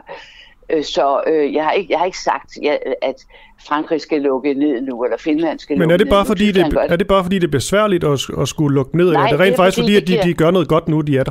Ja, altså nu her, hvor de er betalt, ulykkerne er sket, om jeg så må sige, så er, Hvad for producerer de jo, ja, altså med, at du har, at du har etableret noget, der producerer affald, og det har kostet, det har kostet kassen at lave Okay. det, øh, og, øh, men nu har det står og producere, Så er de gode det nok. ikke der, det sagde jeg ikke. Nå. Det, det sagde jeg da vist ikke. Men jeg sagde, så er det klogere at lade den køre nogle tid endnu, fordi vi ikke har op, tilstrækkeligt op i fart endnu med at udbygge vedvarende energi. Men prøv lige at tænke på en ting, som jeg synes er lidt grinagtigt her også. Det hyr, vi har med at få sat en vindmølle op, fordi alle kommer og siger, ikke hos mig, ikke hos mig. Altså NIMBY, not in my backyard. Hvor vil du lægge alle de der atomkraftværker hen? Ude på havene, øh, hvis man spørger Seaborg Margrethe Augen, øh, jeg kunne godt tænke mig at spørge, havene? altså jeg, jeg, jeg, jeg undrer mig bare en lille smule over, havene? fordi at, øh, altså, når jeg hører de gode argumenter for atomkraft, så tænker jeg, Nå, men det er vel egentlig okay, hvis man så ligesom brugte øh, altså, viden og penge på at udvikle teknologi, som kunne øh, få bukt med det her affald, kunne gøre det mere sikkert, kunne altså kigge hen til sådan nogle øh, firmaer som Seaborg og poste en masse penge i det. Hvorfor kan man ikke bare gøre det? For man bruger jo i forvejen Man har- en masse penge på at udvikle altså bæredygtig energi. Nej, nu, slå, nu tager du helt fejl. Man har pumpet penge i, øh, i atomkraft i forskellige udgaver. Pumpet penge. Det har slugt. I at gøre det sikkert og, og så videre. Nej, ja, men de er ikke kommet, de her, de her store værk, der hedder ITER, som vi fra, fra EU's side har pumpet penge i. Der er ikke kommet spor ud af det. De har været, hvis du ser på de store regnskaber, som man godt kan få ud af EU, hvis man er lidt smart, så er det massive, øh, massive altså atomkraft er by far det mest subsidierede, der findes. Og alligevel er der ikke kommet gang i noget nyt. Så hvis de igen skal æde alle de penge, der bruges meget, meget mindre på vedvarende energi, men teknologien til vedvarende energi er nu kendt. Havvindmøller producerer, altså havturbiner, producerer helt uden statsstøtte nu til langt under den pris, som er forudsat for eksempel i de engelske værker, der er ikke sat i gang nu. Så påstanden om, at vi skal bruge pengene på kernekraft, er bare at sige, det har vi gjort. Det har vi gjort i 50, 60, 70 år. Og alt, alt, alt for lidt på den medvarende energi. Og alligevel står vi meget længere med den medvarende energi. Og ved du hvad, så har den en ting. Både vind og sol og de andre ting, man kan. At det øjeblik, vi finder ud af noget, der er endnu smartere, så kan vi fjerne det, uden at det sætter sig spor. Men der mangler også meget ved vedvarende energi. Vi har brug for at få færdighed, slutter forsket og udviklet meget mere Okay. på, inf- Ja. på infrastrukturen, så vi kan bruge det, altså sende det rundt i Europa for eksempel og andre steder. Der mangler vi en del endnu. Men altså, den er, den er færdigudviklet som teknologi, og det andet har fået alle pengene i alle årene. Okay, Margrethe Augen, det, øh, det blev det. Vi har Morten Messerschmidt på om noget helt andet lige om et kort øjeblik, men uh, tak fordi du lige Hvis var bare med. spørger han om det her, det ved han heller ikke noget om, så bare lad ham gøre det. Okay, det er godt. Vi tager den. Det er godt. Tak for Ha' det godt. Hej. Godt. Hej, hej. En meget Margrethe Augensk bemærkning lige til sidst. Ja, og øh, jeg tror, vi kunne ikke helt noget for dig med, fordi at uh, Morten Messerschmidt uh, venter, men du har sikkert stået og trippet derude. Du er stifter CEO i det, der hedder Seaborg Technologies. Um, men nu fik jeg Augen, der fik lov til at tale lidt uh, atomkraft. Det gjorde, gjorde du også. Det kan være, at vi tager den videre til Morten Messerschmidt. Vi kan spørge om til allersidst. Ved du ingenting om atomkraft? Som For det påstår Margrethe Augen. Ellers skal vi få et detektor ind og, øh, og faktatjekke det. Der er mange, der, der siger inde på, øh, på Facebook, at øh, Margrethe Augen er fanget i 60'erne. Måske 70'erne. Ja, det ved jeg ikke. Fordi hun ligesom altså holder fast i det her med at øh, atomkraft. Altså det blev stadig et stort nej tak. Ja, det er også det svære spørgsmål. Det, øh, det stillede vi også det spørgsmål, ligesom er det fordi, du ligesom hænger, hænger fast, og nu er du bare, nu er ligesom det, det, du mener, og du kan ikke ændre sig. Men det er jo, hvis det endelig er, hvis det er det rigtige, så er det også svært at få svar på på en eller anden måde. Fordi... Det kan man sige, fordi så hænger hun jo fast. Nå, nu skal vi til øh, Dansk Folkeparti og denne her formandskamp, som er, som er godt i gang. I går der talte du med Merete Dea. Øh, vi talte i mandags med Martin Henriksen, som vi kaldte kommer frelseren fra Stævns. Skal vi ikke lige rise op, hvad det er, de vil gøre faktisk fra partiet? Altså godt. Martin Henriksen, han vil jo gerne stramme op. Stramme op øh, udlændingepolitikken. Han har jo ligesom på en eller anden måde tegnet stregerne op i en form for fløjkrig i Dansk Folkeparti. Merete Dea, hun er måske lidt mere, at hun gerne vil øh, bevare partiet, som det er, og så ligesom søge at øh, gyde olie på vandene og, og få noget, noget stabilitet og egentlig altså rent politisk øh, holde det status quo. Mm. Og så er det gode spørgsmål selvfølgelig, hvad øh, Morten Messerschmidt han vil. Morten Messerschmidt, hvad er din, øh, lad os bare sige, din store mærkesag, og øh, godmorgen til dig. Jo, godmorgen. Øh, jamen, øh, jeg vil flere ting, altså både organisatorisk og politisk, som jeg jo har, øh, har lagt vægt på, også når jeg har fremlagt tingene i, i konkurrerende medier. Mm. En, øh, jeg tror, det er vigtigt, at vi får en ændring internt i partiet, sådan at vi får baglandet mere på banen, og der bliver kortere mellem Christiansborg og, og hvad kan sige, vores organisationsfolk, og det har jeg lagt, fremlagt øh, nogle bud på. Og så er det jo rigtigt, at øh, hvis man ser sådan på vores arbejdsprogram, altså vores politiske platform, så er den tilbage fra øh, 2009, og den tror jeg har brug for en opdatering. På hvilke Øhm, punkter? Jamen på alle, altså hvor man simpelthen tror, jeg skal lave en ny proces, hvor også baglandet bliver engageret mere. Jeg har skilet meget til den måde, Socialdemokratiet i virkeligheden for nogle år tilbage lavede et nyt principprogram på, hvor Dan Jørgensen fik øh, det i opdrag at komme rundt i hele landet og diskutere, både med partimedlemmer, men jo også med samfundsaktører, altså virksomheder, fagbevægelse, alle mulige, øh, hvad det kunne være for en linje, for eksempel på arbejdsmarkedspolitikken eller, eller socialpolitikken. Altså komme ud i virkeligheden, så at sige, og tale med folk om, hvordan tingene de, øh, de, øh, de udvikler sig, og hvad der, hvad der skal, ja, hvad for en politik, der så skal til. Og, øhm, og det, så det der med, om noget skal strammes eller slappes, eller sådan nogle ting, altså jeg synes, det er sådan en lidt triviel diskussion i virkeligheden, fordi hvad betyder det? Altså, øhm, hver taler jo med, sin, med sit næb, kan man sige. Altså, Jeg, jeg tror, det betyder, at man skal lave en strammere udlændingepolitik. Jamen, hvad betyder det? Altså, hvad det, det betyder vel ved, strammere det- regler, det betyder vel, øh, ja, Jo, men du ved, jeg, jeg har bare svært ved at sige, eller svært ved at forstå, hvad det betyder, uden at komme nogle konkrete forslag. Jeg har aldrig hørt nogen forslag på andet med at ændre grundloven, øhm, som, som jeg egentlig var imod. Og derfor har jeg svært ved at genkende det der med, at der skulle være nogen, der går ind for en strammere linje, Øhm, altså det ville være ret, at folk kunne blive sådan mere konkrete i det.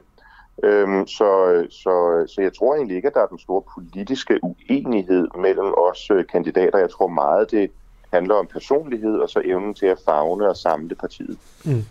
En, øh, en anden, man kan sige, et andet bud på, på det her formandskab, det er Erik Høgh øh, Sørensen, og han har været ude og udfordre dig lidt på de sociale medier i forhold til den her debat om omskæring. Så lad os da bare tage ja. den, Morten Messerschmidt. Vil du stemme for eller imod et forbud?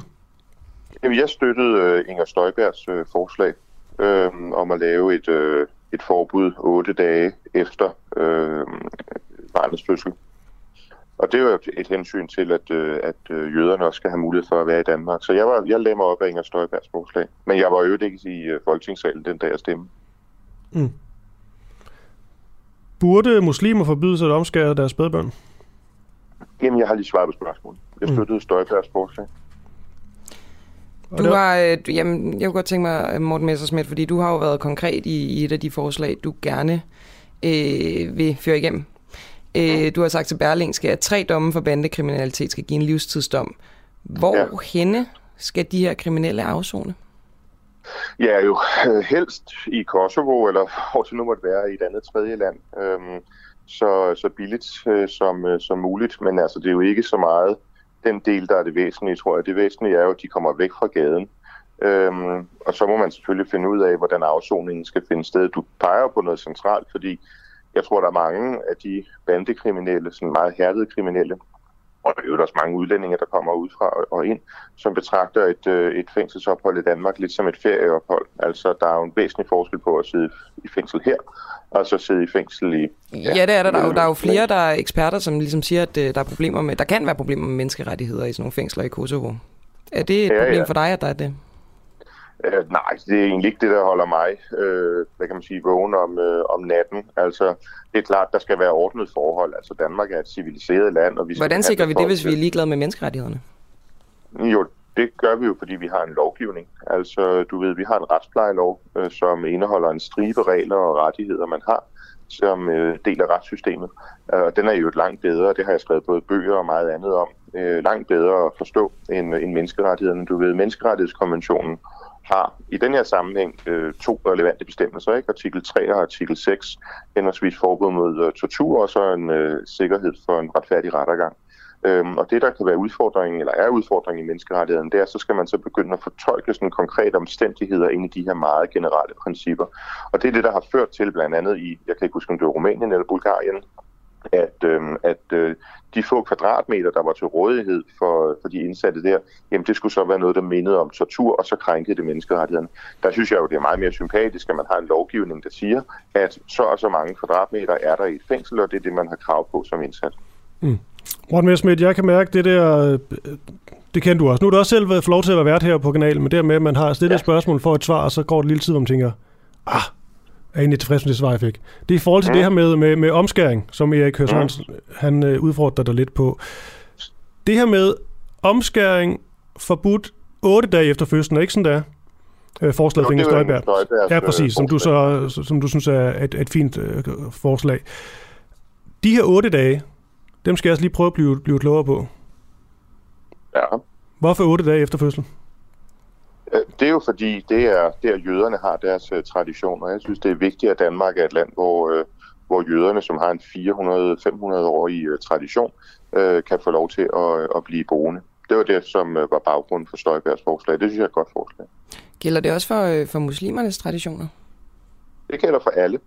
Alles traditioner? Hmm. Ja, ja, det gælder også, og folk, også folk uden traditioner. Altså. Og altså, hvad, hvad med de risici, der er forbundet ved spædbørnsomskæring? Det er jo netop derfor, at man øh, sørger for, at det så foregår i et klinisk miljø og, øh, og på hospitaler. Og, men det, er jo, det går jo netop imod, imod den traditionelle jødeomskæring. Nej, det tror jeg egentlig ikke. Jeg tror faktisk, det er sådan, de gør det. Nå, det er, jeg ikke, det er jeg ikke helt sikker på. Det må vi lige tjekke op på. Hmm. Morten Messmith, en anden ting, når vi nu tager denne her, øh, denne her formands... Øh, kamp, så, så kritiske røster vil jo sige, at du øh, måske er lidt for meget øh, team Christian Thulsen Dahl, Pia Kærsgaard, et eller andet, og så er der nogen, der er Martin Henriksen, der, der taler om fløjkrig og alt muligt her. Øhm, tror du virkelig, ej, jeg ved faktisk, du svarer på det. Det, det er en dårlig måde at stille spørgsmålet. Jeg vil mere sige, hvordan er det, du vil, du vil samle partiet?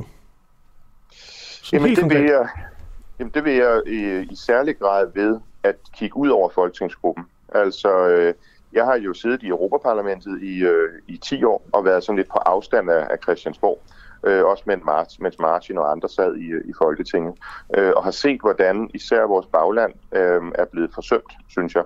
Øh, og jeg synes, det er vigtigt, at Dansk Folkeparti bliver et parti, hvor det ikke kun er dem, der sidder på Christiansborg, der ligesom definerer det politiske projekt. Mm. Øhm, og derfor vil jeg gerne have øh, altså vores byrådsmedlemmer, regionsrådsmedlemmer osv. meget mere på banen. Altså få partiet til at fungere i en større helhed.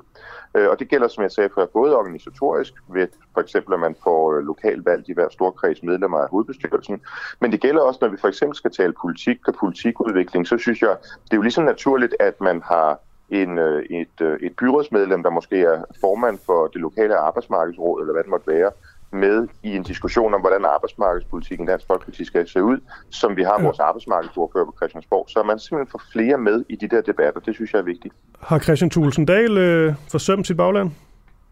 Jamen, nu spurgte du, hvad jeg ville. Jeg kommer ikke til at kigge i bagspejlet. Men du siger jo, at nogen har forsømt baglandet.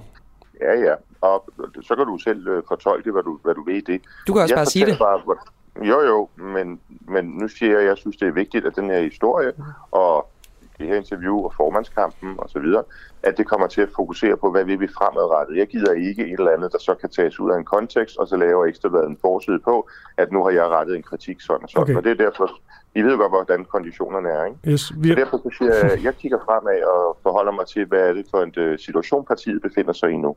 Okay. Vi har fået en uh, sms fra en lytter, der skriver, i mandags i Ring til Oppositionen på PIT, der sagde netop Christian Thulsen Dahl, at meldt og fældsagen er hovedårsagen til Dansk Folkepartis tilbagegang. Deler du øh, den analyse af Christian Tulsendal?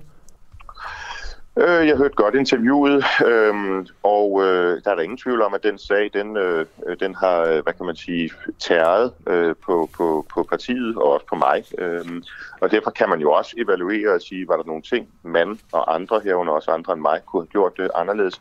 Jeg deler nok ikke opfattelsen af, at det ligesom var det, der var det store brud. Men, øh, men altså, det tror jeg er, øh, er noget, som kommentatorer og andre kloge folk, de vil sidde og kigge på. Jeg du er, også, du er også en klog mand, Morten Messersmith. Hvad er det store brud?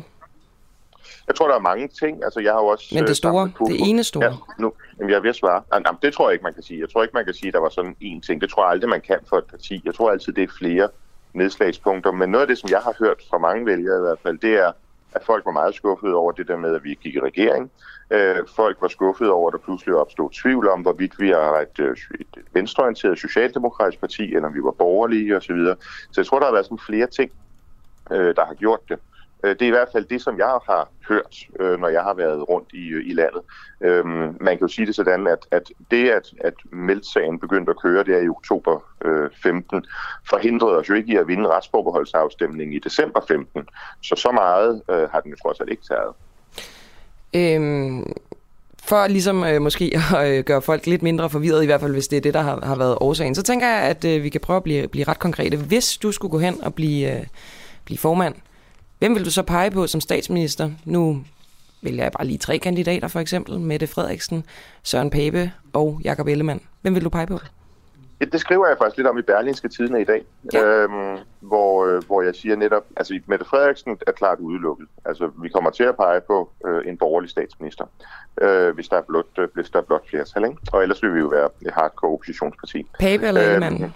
Ja, det er det, der er store spørgsmål, fordi det nemme vil jo være at sige, at ah, men, øh, Pape han lyder jo som en fornuftig mand efterhånden. Han har samlet sin udlændingepolitik, han har samlet sin EU-politik og konventioner og hvad ved jeg. Men Spørgsmålet er jo, hvad det er for en Søren Pape Poulsen, man får. Altså, jeg synes, han er jo et rart menneske og en dygtig politiker og sådan nogle ting, men der er godt nok stor forskel på ham i regeringen, som vi så, da han var justitsminister, og så i dag, hvor han er i, i, i opposition. Så for mig kommer det politiske til at være afgørende. Altså, er, kan, kan, kan Søren Pape ligesom holde den linje, han, han har nu som, som oppositionspolitiker, hvis han skulle blive statsminister? Ellers har vi jo traditionelt selvom der er mange områder, hvor jeg, hvor jeg må sige, at jeg er, er ja, nok langt fra, fra, øh, fra Ellemann, øhm, så har vi jo traditionelt haft et ret tæt og, og fortroligt øh, godt samarbejde med, med, med Venstre. Så derfor opfordrer jeg i Berlingske i dag til, at vi får noget debat om det her, både internt og eksternt. Altså, hvor skal det borgerlige projekt ligesom bevæge sig hen? Hvad er det for nogle ting, og, vi kan blive enige om, og hvad er det, vi ikke kan blive enige om? Og det synes jeg jo er ret interessant, Morten Messersmith, fordi der er... Øh der er jo nogle røster fra, øh, fra radikale venstre, og øh, jeg ja. hørte dig sige noget, jeg synes var, var ganske morsomt. Du kalder øh, radikale venstre for øh, den største dødsfjende til Dansk Folkeparti. Absolut. Det er, det er Øhm, og, øh, Sofie, ja, og Sofie Carsten Nielsen, hun er jo lidt ude og, og flytte lidt med at kunne pege på, øhm, på nogle forskellige, øh, altså forskellige blokke, øh, som, som, øh, når det kommer til statsministerposten. Så hvis vi nu leger med tanken om, at øh, radikale bliver støtteparti til for eksempel Jakob Ellemann, kan DF være med i den regering?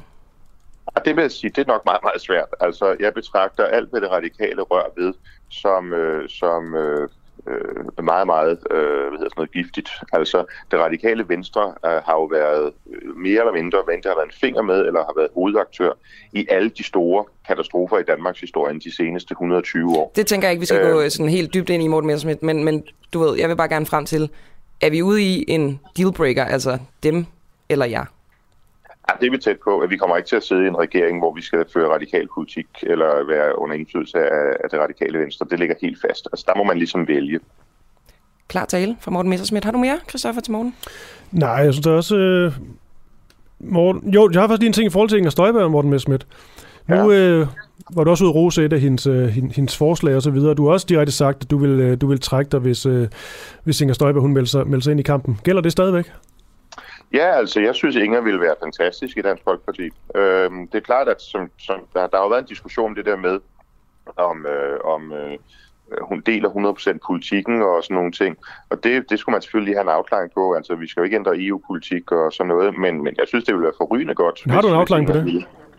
Og hvad, undskyld? Har du fået en afklaring på det i forhold til eksempelvis EU-spørgsmålet? Jeg står som ekspert om en opline. En, for, en, en, en afklaring? Afklaring? Nå, nej, nej, undskyld. Øh, ja, nej. øh, jeg hed, nej, det har jeg ikke. Altså, det er ikke noget, vi har lejlighed til at drøfte. Jeg tror ærligt talt, at Inger øh, har brug for lige og, og, hvad kan man sige, forsamling på tingene øh, oven på den der øh, rigsretsdom, og det synes jeg jo er helt naturligt. Men det vil ved at være op over, hvis hun skal melde sig.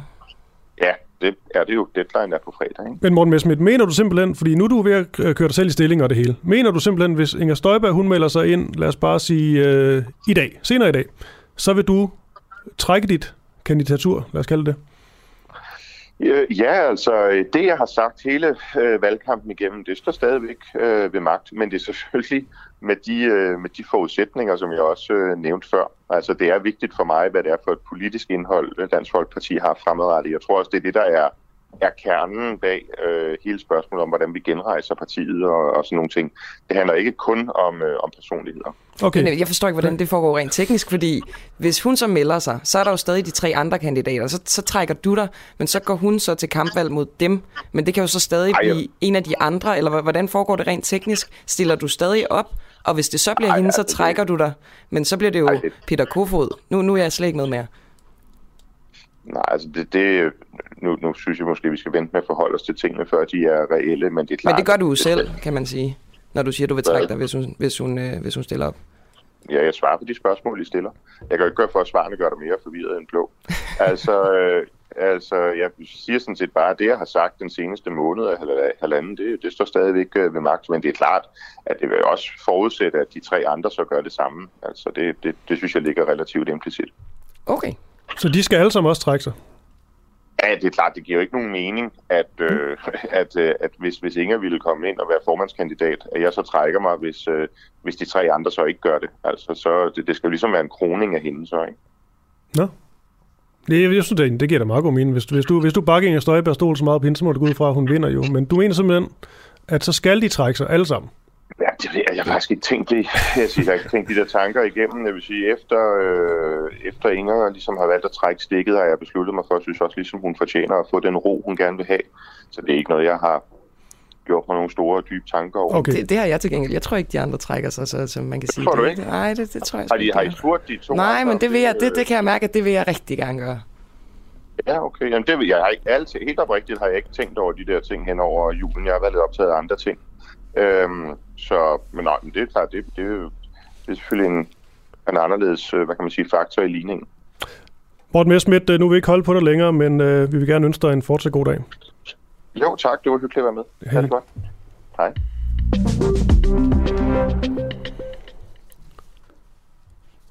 Så har vi altså talt med øh, Ja, undskyld, jeg skulle lige, jeg skulle lige komme mig. Det er ja. altid, øh, hvad skal man sige, lidt af en, øh, en rodeo og interviewe den kære Morten Messersmith. Men vi skal altså videre, øh, fordi tillader Dan Jørgensen, nej, er det det forslag, Kristoffer, det her med, med, med forurenet vand? Nej. Nej, forurenet cement? Men det der, det der lige, det der lige kan ske, det, det er jo sådan, når man sender sådan noget, noget, noget radio her, live radio, så når møden om morgenen, så er du historien, man gerne vil lave. Hvor nogle historier, de falder jo til jorden, fordi en kilde har et sygt barn. Og det er det, der, der er sket her. Der er barn syg i kilden. Jeg vil egentlig gerne lige tease lidt for den, fordi nu skal vi nok få ham med i, uh, i morgen. For det er faktisk et indslag, jeg glæder mig rigtig meget til. Fordi det vi gør, det er, at vi spørger her i uh, løbet af ugen, om klimaminister Dan Jørgensen han har leveret, når det kommer til udledning af drivhusgasser. Og i dag der skulle vi tale med, det regner så med at gøre i morgen, med Danmarks mest forurenende virksomhed, Aalborg Portland. Deres Head of Sustainability, han, øh, han kunne ikke være med i dag, men, øh, men vil rigtig gerne være, være med. Og det interessante her, det er, at ifølge klimabevægelsen, så har Dan Jørgensen altså givet carte blanche til, at Aalborg Portland, de må simpelthen forurene så meget, de vil. Så længe at øh, cementproduktionen, den også stiger. Og det er jo det, det er bare interessant. Og derudover så vil vi jo også gerne se på det her spørgsmål om, at de har lavet sådan en aftale, regeringen og Aalborg Portland, om, at de skal blive så så meget grønnere, og de skal udlede øh, mindre CO2 osv. Men hvad nu, hvis de ikke lever op til de mål? Præcis. Hvad sker der så? Er det bøder? Er det bøder? Er det ingenting? Og hvor store er bøderne i, i Skal de kompensere måske? Klimakompensere, ja. det er så moderne. Og det spørgsmål får vi ikke svar på øh, her til morgen, men øh, vi satser meget stærkt på at få det i, øh, ja, i morgen eller i overmorgen. Hurtig bedring til børnene, ikke? Absolut. Og med det, så øh, skal vi videre til øh, Thomas Fugt. Han er undersøgende journalist og chef for Ekstrabladets gravergruppe. For spørgsmålet er, hvorvidt politiet de simpelthen chikanerer pressen her hjemme. To journalister fra politikken, en fra Weekendavisen, en som nu er på laut, og en fra Ekstrabladet er nemlig tirsdag blevet indkaldt til vidneafhøring som en del af politiets efterforskning af lækager fra Forsvarets efterretningstjeneste og PET. Og bare lige for at sætte det her i relief, det er ikke almindeligt det her. Nej. At journalister på den måde bliver, bliver skal afhøres. Nej, også fordi de har ret til at beskytte deres kilder osv., ikke?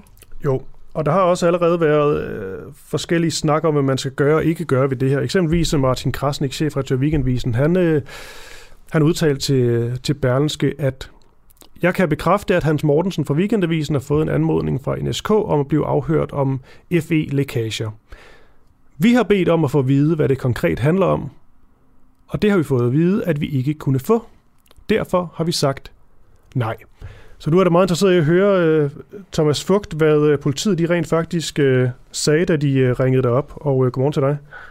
Jamen, øh, godmorgen. Øh, jamen, jeg er, jeg er også faktisk et lidt stort mysterium, øh, ligesom I er. Øh, det er meget begrænset, hvad vi har fået at vide. Altså, jeg fik et opkald i går formiddag fra, fra den her nye politienhed, der hedder NSK, en efterforsker, som, som altså så efterforsker den her øh, lækagesag.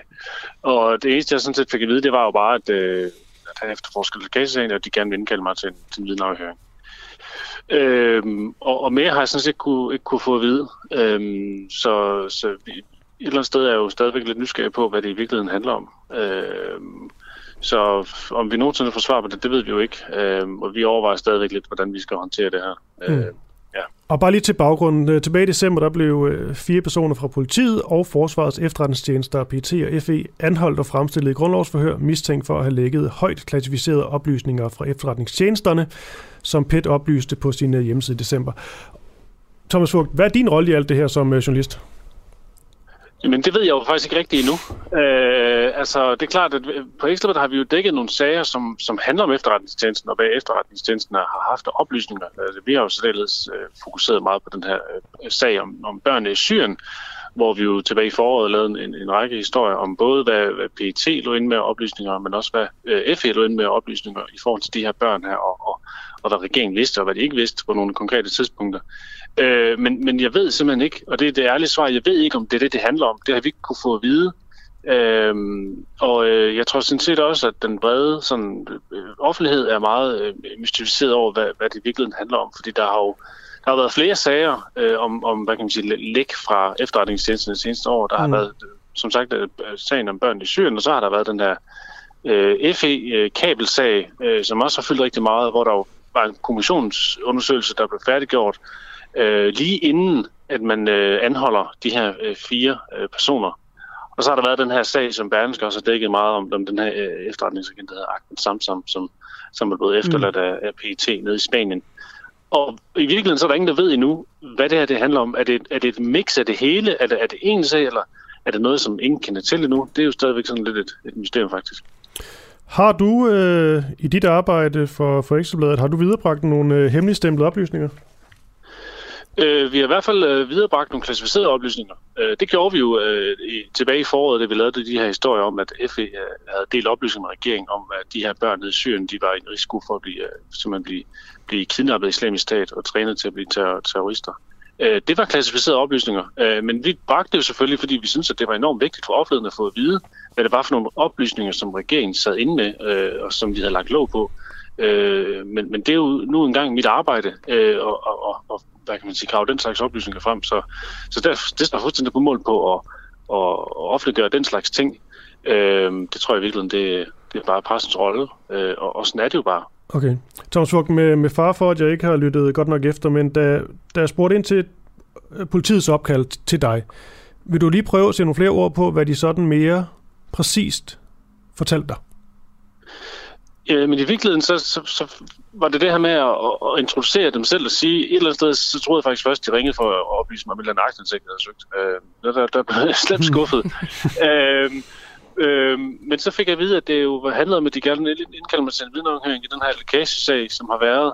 Og øh, jeg forsøgte jo selvfølgelig at få lidt mere at vide om, hvad det handler om, og de oplyste mig selvfølgelig som, at det, det, det var som vidne, det var ikke som sigtet. Øh, og at der jo selvfølgelig er den her paragraf i straffeloven, der handler om kildebeskyttelse, øh, paragraf 172. Øhm, og øh, at de gerne vil øh, have os ind, øh, eller have mig ind, øh, enten i den her uge, eller i øh, næste uge, øh, og at øh, det er som sagt for at høre nærmere til det her. Og jeg prøvede så selvfølgelig at spørge lidt ind til, hvad er det, hvad er det I mere præcis vil sige, eller hvad spørge ind til, og, og det vil de så ikke komme nærmere på. Det, det er så åbenbart under en afhøring, at man, man åbenbart så først kan få noget at vide om det. Kommer du øh, til at tage ind til den afhøring, eller følger du i weekendavisens fodspor? Jamen, det overvejer vi stadigvæk lidt. Altså, man kan sige, altså, kildebeskyttelsen kommer vi jo aldrig til at gå på kompromis med. Uh, altså, den, den, den, det, det, det står helt klart Hvorfor fast. egentlig ikke, hvis vi snakker, altså, hvis vi snakker statens sikkerhed, Thomas? Fordi at, at det her, det er noget af det helligste. Altså, vi skal aldrig nogensinde... Helligere end statens sikkerhed? Ja, det vil jeg mene. Altså, sådan er det i hvert fald i min optik. Um, Altså, det skal vi aldrig nogensinde på kompromis med. Øh, og vi skal til enhver tid stå fast på vores ret til at offentliggøre oplysninger, som er, er vigtigt for, for offentlighedens øh, interesse. Øh, og øh, ja, så, så i virkeligheden, altså for at svare på spørgsmålet, om vi vil tage ind til den eller ej, altså, vi er jo stadigvæk lidt nysgerrige på, hvad det er, de vil vide. Hvad, hvad vil de vide? Hvad har de? Øh, og, og så kan det jo være, at vi efter to minutter pakker vores ting og går igen øh, og siger, at vi har en kildebeskyttelse, den kommer vi ikke til at, at bryde på nogen som helst måde. Mm. Så tak for i dag. Øh, så, så vi overvejer stadigvæk lige øh, lidt, hvad, hvad vi gør. Er det også lidt spændende der? Det er da lidt interessant at vide, hvad der er, der helt præcis for, foregår øh, den her efterforskning. Det, det, det vil jeg ærligt sige, det er da, det er da super spændende. Så, øh, så når Tom Jensen går ud og siger, at øh, I bliver intimideret, Altså. Ja, altså det er jo, det, man kan sige, det er jo nogle chefredaktørs holdning. Jeg har jo ikke sådan rigtig nogen holdning. Jeg, jeg Men er du intimideret? Jeg føler mig ikke intimideret, fordi et eller andet sted, så synes jeg jo også, at politiet passer sit arbejde. Altså, der er nogle, der er nogle efterforskere her, der har fået en opgave, og det er, at de skal efterforske en sag, og så er det jo klart, at de skal forsøge at tale med vidner, som, som giver et bidrag med, med det, med den efterforskning. Så jeg føler mig ikke intimideret. Det var ikke et, øh, hvad kan man sige, intimideret opkald, synes jeg, som sådan. Altså, det, det foregik i, fred for daglighed. Øh, der var ikke noget der. Øh, og det var en, det var en, en flink øh, efterforsker, der ringede til mig. Øh, så, så ja, det er nok mere sådan et, et, et holdningspræget spørgsmål i virkeligheden. Altså, jeg har ikke, sådan, ikke nogen holdning til, hvorvidt om det er intimidering, det her eller ej. Men føler du her til sidst, øh, Thomas Fugt, øh, fordi en ting er jo intimidering, noget andet det er, om man føler sig chikaneret. Det er jo egentlig det, jeg lagde, lagde ud med at spørge, hvorvidt øh, ja. pressen føler sig chikaneret af, af politiet. For det er, jo ikke, det er jo ikke hverdag, det her, kan vi godt blive enige om. Føler du, der er noget, et chikane-element i det her? Altså, det, der, det er helt klart opsigtsvægtende, at man på den måde bliver ringet op på politiet, og det er jo helt åbenlyst, at de vil vide, øh, om man har nogle kilder, eller, eller, eller hvem ens kilde er i, i, i konkrete sager. Det er der, øh, altså det nærmer sig chikane, altså så langt vil jeg godt øh, gå. Øh, fordi at, øh, de ved jo også godt, at vi har en kildebeskyttelse, så hvorfor er de overhovedet prøver på at, at få noget at vide her? Det, det synes jeg i virkeligheden er, er måske det mest bekymrende. Mm. Øh, de ved jo godt, at vi aldrig nogensinde kommer til at oplyse, hvem vores kilder er. Så, så det, det må være op til dem at gå til en dommer og, og kunne bevise et eller andet, før vi så skal indkaldes til, til, en, til en afhøring. Øh, så, så ja. Det er jo så ikke sikkert, at de, øh, at de tror det. Det kan være, at de rent faktisk tror, at de gerne vil gå af med nogle af deres kilder, skulle til at sige. Men der er du ret klar i mailet, kan jeg høre. Ja, ja. Altså, der kommer ikke til at, at, at ryge noget der. Det er modtaget. Thomas Fugt, du er altså undersøgende, journalist og chef for Ekstrabladets Gravegruppe. Mange tak, fordi du blev med her til morgen. Jamen, det var slet. Hej. Hej. Der er også kommet en øh, lytter-sms ind. Ret skra- det er fra Susanne Kellerup. Ret skræmmende, at man nu går efter at stikke pressen. Ja. Det kan man sige. Øhm, Christoffer, vi sidder begge to og øh, mesker os i noget vand fra vandhanen. Mm.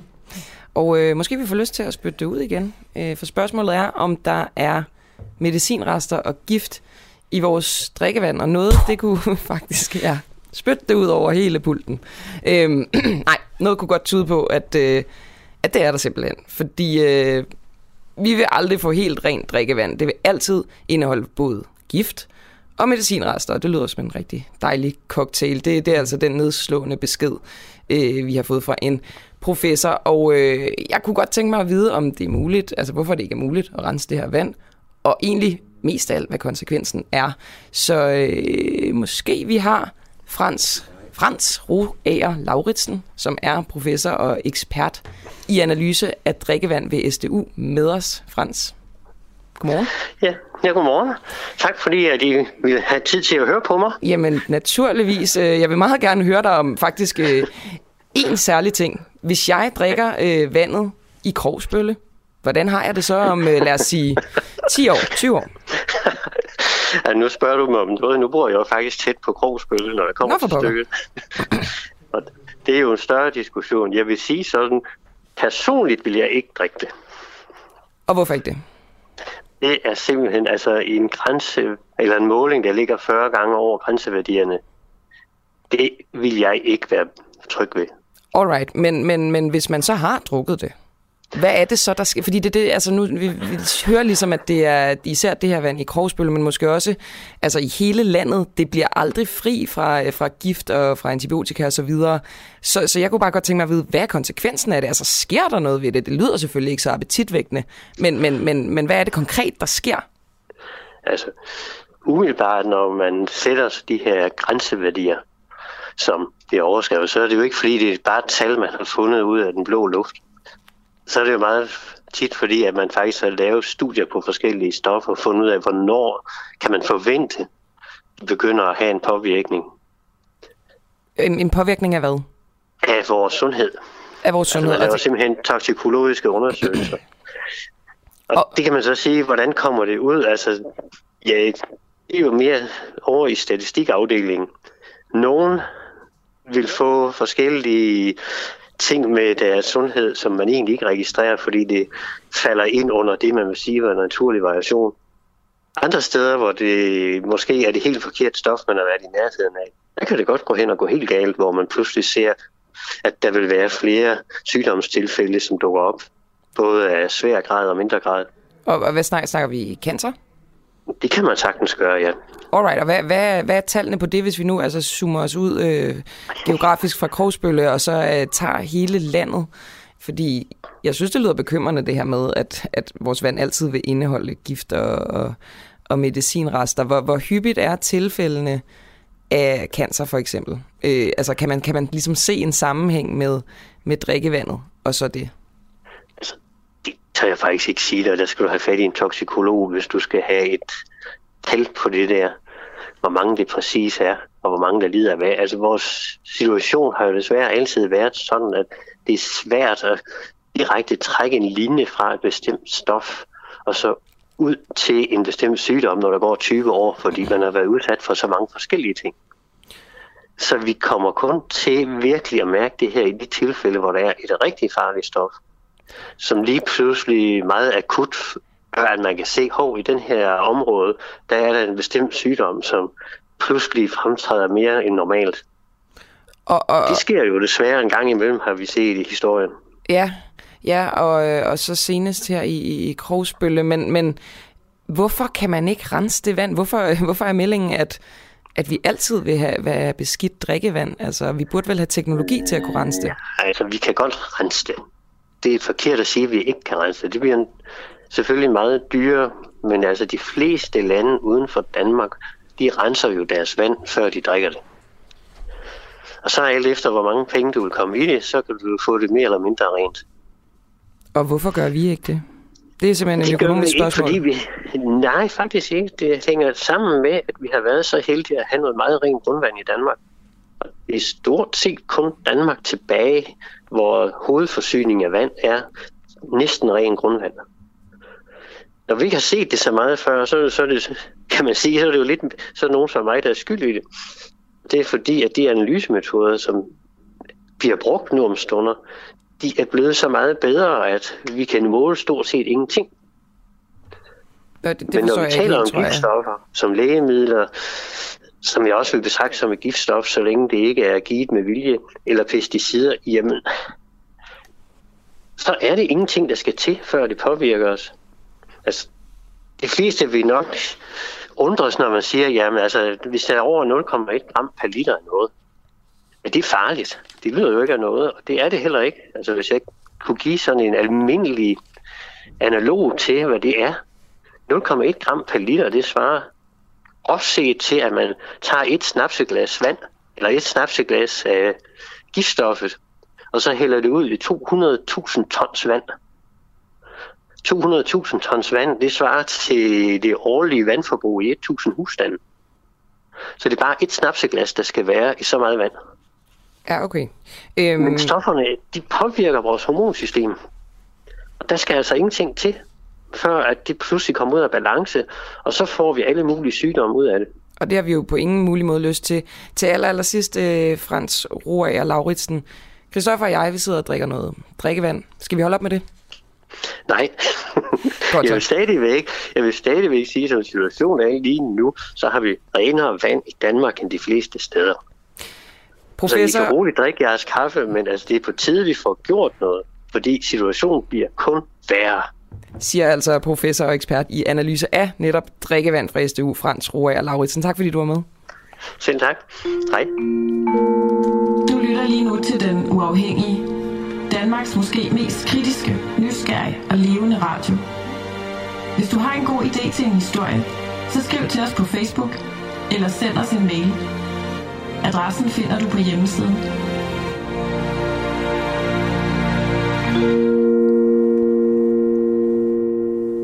Skal øh, Christiansborgs vægge brydes af feministisk kunst?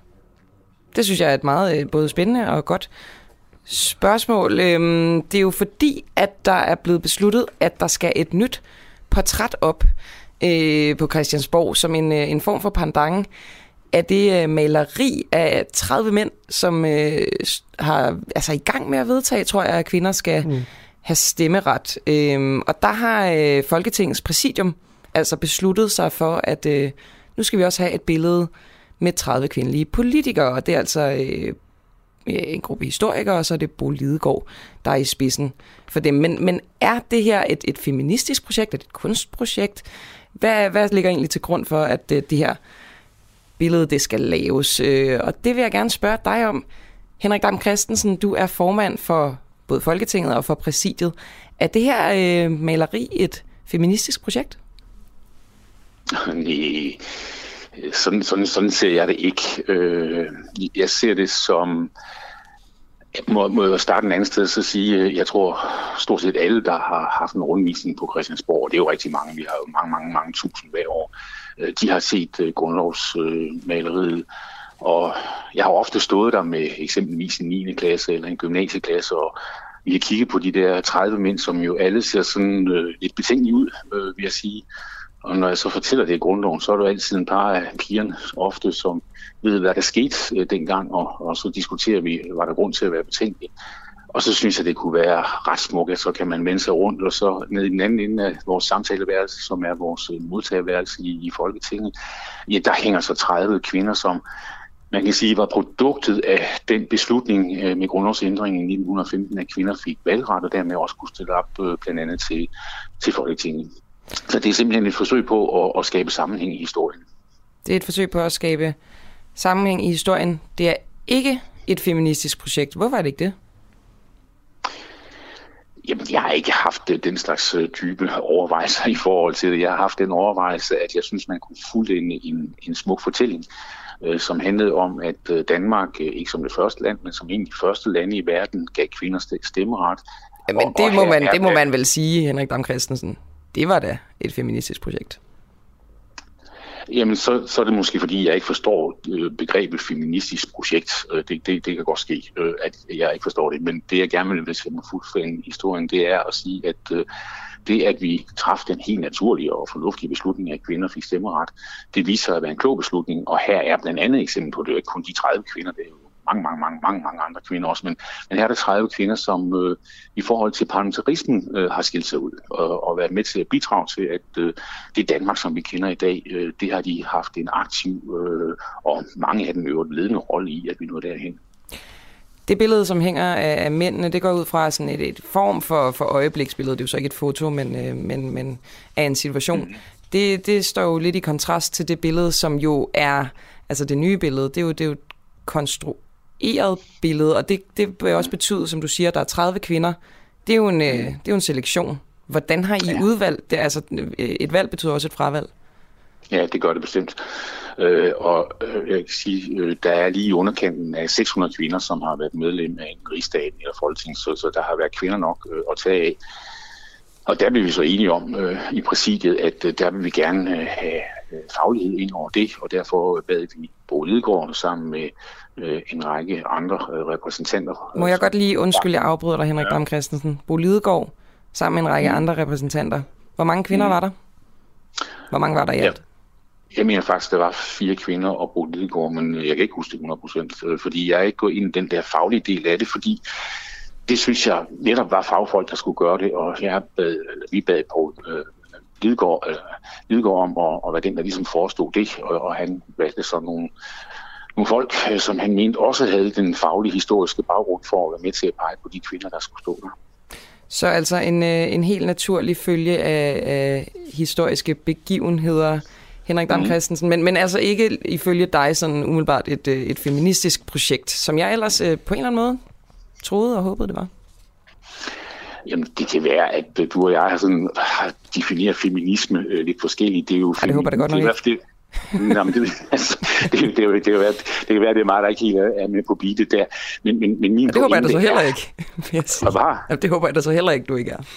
Nej, men, men, men det, der var min pointe her, det var så det, jeg prøvede på at sige før, det var, at øh, det, at vi gav kvinder stemmeret i 1915, når du ser der en kæmpestor billede, som det jo er, øh, som ofte bliver vist øh, af mænd, som i min optik ser øh, betænkelige ud.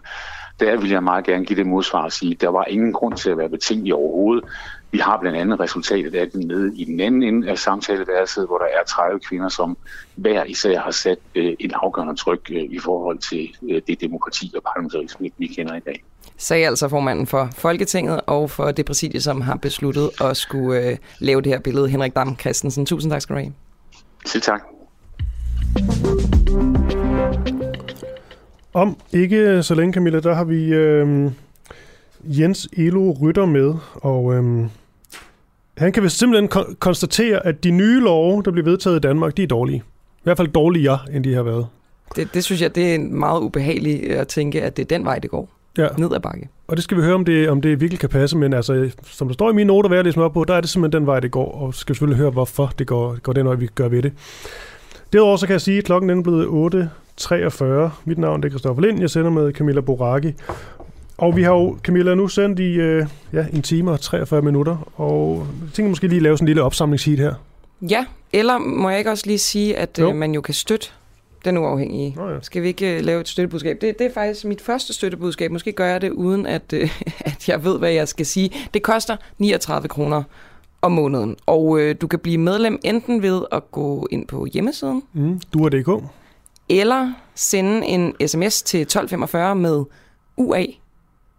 Og så uh, får du en medlemsbesked. Uh, er der andet, du kan gøre? Nej, men, men det du får til gengæld, det er, at du bliver medlem af den uafhængiges redaktionslokale. Og det synes jeg jo er et ret magisk sted, fordi det er jo sådan en interaktion mellem os journalister og så jer lyttere, som kan tippe os om historier, og som kan komme med jeres mening. Jeg synes, jeg har fået noget ret fin efterkritik derinde, for eksempel. Det har jeg sat meget stor pris på. Så det, det er et ret godt arrangement. Ja, og så øh, kan man sige, nu har vi lige fået en øh, ny mand som chef for en, øh, en lille gravergruppe herinde, og det er jo altid dejligt, når man skal lave god øh, undersøgende journalistik, og forhåbentlig fælde nogle øh, magthaver, som har fortjent det selvfølgelig. Ja, øhm. Og ja, jo, jo flere vi kan få af dem, og, og med, med på det hold, der, øh, der kræver det jo faktisk penge. Og det er simpelthen ikke, fordi vi skal sidde sådan og tikke og bede, men det er jo bare, altså vi får ikke støtte udefra, så hvis vi skal lave god journalistik, altså flere journalister, øh, der kan sit kram, så kræver det faktisk, at der er flere medlemmer, så vi kan få flere penge i kassen og lønne folk for. Simpelthen. Jeg vil altså gerne tikke og bede, Christoffer. Det gør jeg, det gør mig altså ikke for fint til. Okay, men øh, Camilla, det der opsamlingshit, der er i gang i, det, det dropper vi, fordi vi vil hellere øh, se, se fremad, og det gør vi sammen med Jens Elo Rytter. Fordi så vidt jeg har forstået, så er kvaliteten af dansk lovgivning simpelthen dalet. Det mener et panel af jurister i hvert fald, som fagforeningen Djøf de har nedsat.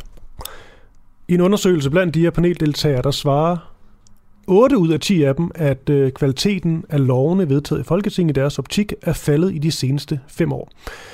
I spidsen for det her panel, der sidder Jens Elo Rytter, der er professor i forfatningsret ved øh, Københavns Universitet, og det her, det skriver Ritzau altså. Så lad os da, da bare starte der, Jens Elo Rytter. Er de nye love, der bliver vedtaget i Danmark, simpelthen øh, blevet dårligere? Og godmorgen til dig. Det er, jo, det er jo det, som et, et stort flertal i, i panelet her øh, vurderer, og det er, jo ikke, det, er jo ikke, det er jo ikke videnskab, men det er jo altså en vurdering fra nogle, øh, fra nogle fornuftige, modne øh, jurister, øh, så det er måske værd at, at, at, at hæfte sig ved, at, at der kan være noget om snakken. Ja, ja så 8 ud af 10. Mm. Det er jo, det er jo, det er jo ret markant, må man sige. Ja, det er markant, ja. Men sådan noget med, altså det lyder helt lidt skørt i, en, i mine øre, en dårlig, dårlige lov, eller dårligere lov. Altså, hvad, kan du give nogle konkrete eksempler på, hvad, hvad, hvad det kan være for en lov, eller hvad det er, der bliver dårligere ved dem? Altså nu skal vi lige starte med at sige, at det er jo ikke sådan, at, at den danske lovgivning er helt til rotterne. Altså Danmark har altså også et, et, et, et højt niveau for lovgivning. Det det her, det handler om, det er, hvordan vi øh, forbereder øh, den lovgivning, der bliver vedtaget øh, altså hvor grundigt den bliver øh, forberedt, altså om man, om man øh, sætter nogle øh, eksperter sammen, som sidder og overvejer fordele og ulemper ved forskellige løsninger, om man hører de forskellige øh, interessenter og organisationer, som bliver berørt af lovgivningen, og om man i øvrigt tager sig god tid til at, øh, at tænke tingene igennem, før man vedtager lovgivningen. Ikke? Og det er der, der er mange, der påpeger i det her panel, at der ser det ud som om, at det efterhånden øh, er begyndt at gå for hurtigt, og at man også nogle gange øh, derfor øh, skærer, skærer nogle hjørner lidt kort, sådan så lovgivningen øh, bliver ringere. Øh, nogle konkrete eksempler på det. Ja. Øh, øh, der er mange steder, blandt andet på udlændingeområdet inden for, for straffelovgivningen, hvor man øh, vedtager lovgivning øh, meget hurtigt, men vi skal nævne noget sådan også lidt større øh, strukturelt, så kunne jeg måske nævne øh, folkeskolereformen, som blev vedtaget for en, jeg kan ikke huske, om det er fem eller seks, øh, syv år siden, mm. øh, og som i hvert fald ser ud til nu øh, ikke har været nogen succes. Øh, og det var også en, en lovgivning og en reform, der dengang blev meget kritiseret for ikke at være gennemtænkt og for at gå for hurtigt, og det er der noget, der tyder på, øh, øh, der har været noget om. Hvad er det, der sker, når, man, når det går for hurtigt? Altså, øh, glemmer man at, at gøre det udførligt? Glemmer man paragrafer? Hvad, hvad, hvad er det, der, der går galt? Ej, det er ikke sådan, at man, altså, man, man kan selvfølgelig også være uheldig at komme til at formulere selve lovgivningen dårligt. Øh, men, men det største problem er vel, hvis, hvis selve indholdet af lovgivningen ikke er gennemtænkt, sådan så at øh, lovgivningen egentlig ikke kommer til at virke efter hensigten. Øh, og, og, og der er det klart, at, at tidsfaktoren øh, er vigtig at man giver sig ordentlig tid til øh, at få øh, vurderet de forskellige øh, løsningsmuligheder og få inddraget de øh, forskellige øh, sagkundskaber, som, som øh, har forstand på øh, det område. Altså der er nogen, der påpeger, at øh, der er alt for meget lovgivning, der bliver klappet af i sådan nogle politiske forlig, øh, og så er, så er toget ligesom kørt, før man øh, egentlig har øh, sat sig ned med nogle øh, folk, der har forstand på det, og tænkt igennem, hvordan det her det kunne se ud. Ikke? Jeg skal altså lige høre, fordi du fik sagt det her med, at man, det kan gå lidt hurtigt, man øh, kommer måske til at skære nogle hjørner osv. Men når man sådan taler sådan noget om øh, noget, der har påvirkning på tusinder af folkeskoleelever eksempelvis, så er det jo øh, grav alvorligt det her. Det, det, det er jo lige præcis det, øh, og, og, og derfor kan man sige, ja, der bliver også vedtaget øh, hurtig lovgivning nogle gange på områder, der er, er mere øh, berører færre og mere detaljorienteret, men der, øh, der er altså også en bekymring for, at det her det også øh, ses på de store øh, lovgivningsområder. Der nævnte jeg som et muligt eksempel ikke folkeskolereformen. Ja. Mm. Hvad, hvad, hvad, hvad, hvad kan man gøre ved det her? Ja, man kan jo, man kan jo øh, gøre sig mere umage, hvis man skal sige det sådan meget kort. Ikke? Uh, man kan... Øh, Jamen, hvordan får vi dem man, til det? Altså?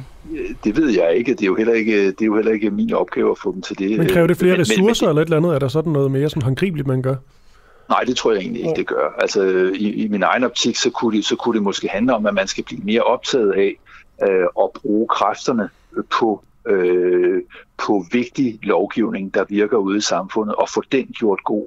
Måske er der en tendens til, det påpeger et flertal i jordpanelet også, at at politikerne er blevet meget mere optaget af at sende signaler og føre øh, værdipolitik, hvilket de også øh, har fuld ret til, men det skal jo ikke fjerne fokus fra det lidt mere, kan man sige, kedelige og øh, tidskrævende øh, lovgivningsarbejde. Altså kan man sige det så skarpt, at de bruger for meget tid på sociale medier og for lidt tid øh, nede i lovteksterne? Det er der i hvert fald nogen, der mener, ja. Mener du det? Uh, nu vil jeg jo gerne udtale mig som øh, formand for jurapanelet, og jeg, jeg har jo ikke sådan detailindsigt i, hvordan en politikers dagligdag er. Uh, jeg kan bare konstatere for mit eget vedkommende, at jeg synes, der er noget om, at vi ser en tendens til faldende kvalitet i øh, lovgivningen. Om det så er, fordi politikerne bruger for meget tid på sociale medier, det skal jeg ikke kunne sige, men jeg kan da konstatere, at de ligesom så mange andre bruger mere tid på sociale medier. Det var... det er jo næsten et ja, du giver, men det er alligevel ikke et ja. Det er meget smart af dig, men øhm, det, var, det, det var det rungende måske. ja. Var det ikke det? Jo, jo, måske, måske. Eller, eller med mindre, at uh, du kan sige, at uh, jurapanelet vil mene det. Mm. Nej, det kan, det kan, jeg kan jo ikke sidde og sige, hvad, hvad, hvad panelet ville mene. Jeg kan bare sige, der er der nogen, der påpeger det her. Øh, og, og, og jeg, jeg, jeg synes bare, det er svært at lave den årsagssammenhæng mellem, at man, man bruger for meget tid på sociale medier, fordi selvfølgelig skal politikere kommunikere på de øh, platforme, der er moderne. Øh, så det, det har jeg sådan set ikke nogen øh, kommentar til. Altså, det, det, som vi har fokus på, det er kvaliteten af lovgivningen. Ikke? Som jo, som der, jo altså er øh, forringet og... Øh Ja, man må det, da... Man det, må er, det, det er den jo ikke øh, som videnskabeligt bevis. Det her det er nogle mennesker, nogle jurister, der vurderer, at der er en tendens til, øh, at lovgivningen bliver ringere. Ja. Altså en, øh, en vurdering fra Jeffs jurapanel. Ja. Har du mere, Christoffer? Nej, jeg tror egentlig, det var det. Der så lige, der kom en øh, lytter-sms ind, jeg lige overvejede, om vi skulle have med. Der står, Danmark laver ikke lov, men adfærdsregulering, og det er ikke kvalitet i samfundet oplyste danskere voksne også. Forstår vi det? Nej, det, det må jeg sige, og det kan godt være, det er mig, der er dum, men det forstår jeg simpelthen ikke. Danmark laver ikke lov, men adfærdsregulering. Forstår du det, eller var det, var det en dum sms, jeg læste op her, Jens? Jeg, jeg, jeg forstod det ikke. Altså, lovgivningen er jo, skal jo være adfærdsregulerende, ja. Øh, så, så det, det er jo sådan set meningen med lovgivningen. Så. Okay. Ellers må, øh, må lytteren Sten lige, øh, lige, lige omformulere. Det kan også være, det, det er mig, der giver den dårligt videre, et eller andet. Men om ikke andet, jeg tror egentlig, det var det, Jens Elo Rytter. Jeg synes, det var super spændende og sådan en lille smule deprimerende. Det er jo ikke den vej, der skal gå, kan man sige. Men det er jo kun en vurdering, så der er jo oh, ja. en chance for, at det er en forkert vurdering. Det er rigtigt. Netop. Netop. Jens Elo, du er professor i forfatningsret ved øh, Københavns Universitet. Jeg vil bare sige mange tak, fordi du er med her til morgen. Ja, selv tak. Hej.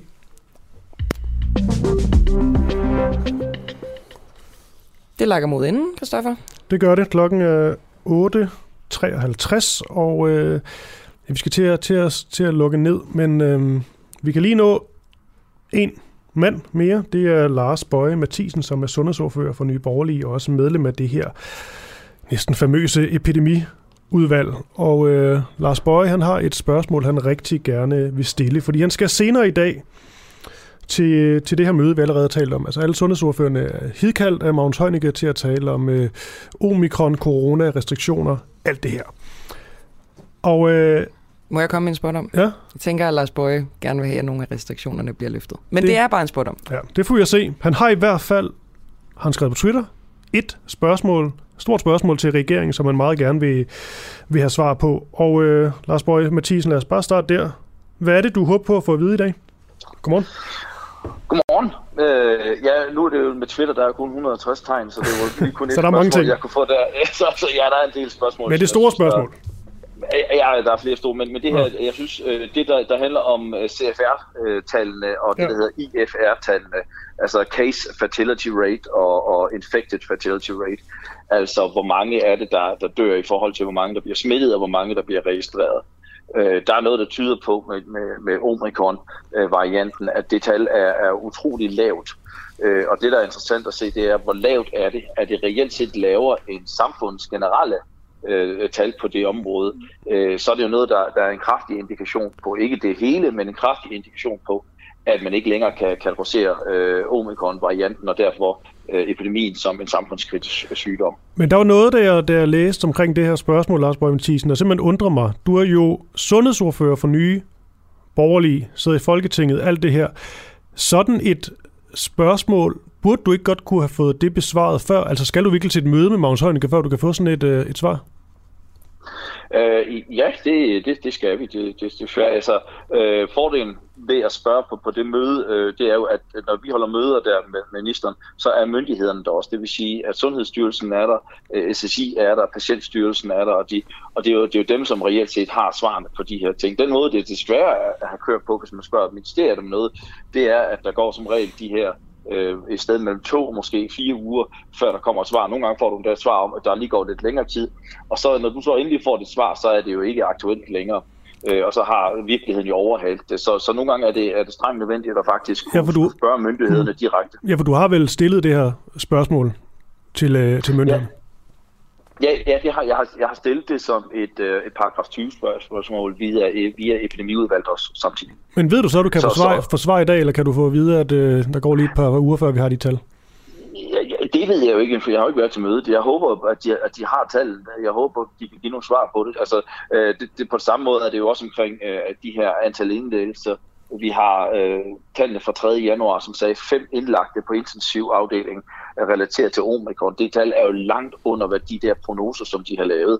Øh, og der kunne jeg jo godt øh, tænke mig at vide, om de nu har så lavet nogle nye prognoser, baseret på de indlæggelsestal, som de har, baseret på den viden, som de nu har om omikron, om at den er halvt så smittet. Øh, lige nu kører vi jo stadigvæk på de gamle prognoser, som man har lavet, som er sådan nogle klassiske overforsigtighedsprognoser, som man lavede øh, også sidste vinter. Og der kunne jeg synes, at det er relevant at se, om de, om de har ændret og, og de her. Det er jo det, er jo det som, som, som vi skal have svar på, simpelthen. Men Lars Bøge, øh, forstår jeg dig ret, hvis, øh, hvis du ikke mener, at det skal kategoriseres som en samfundskritisk sygdom?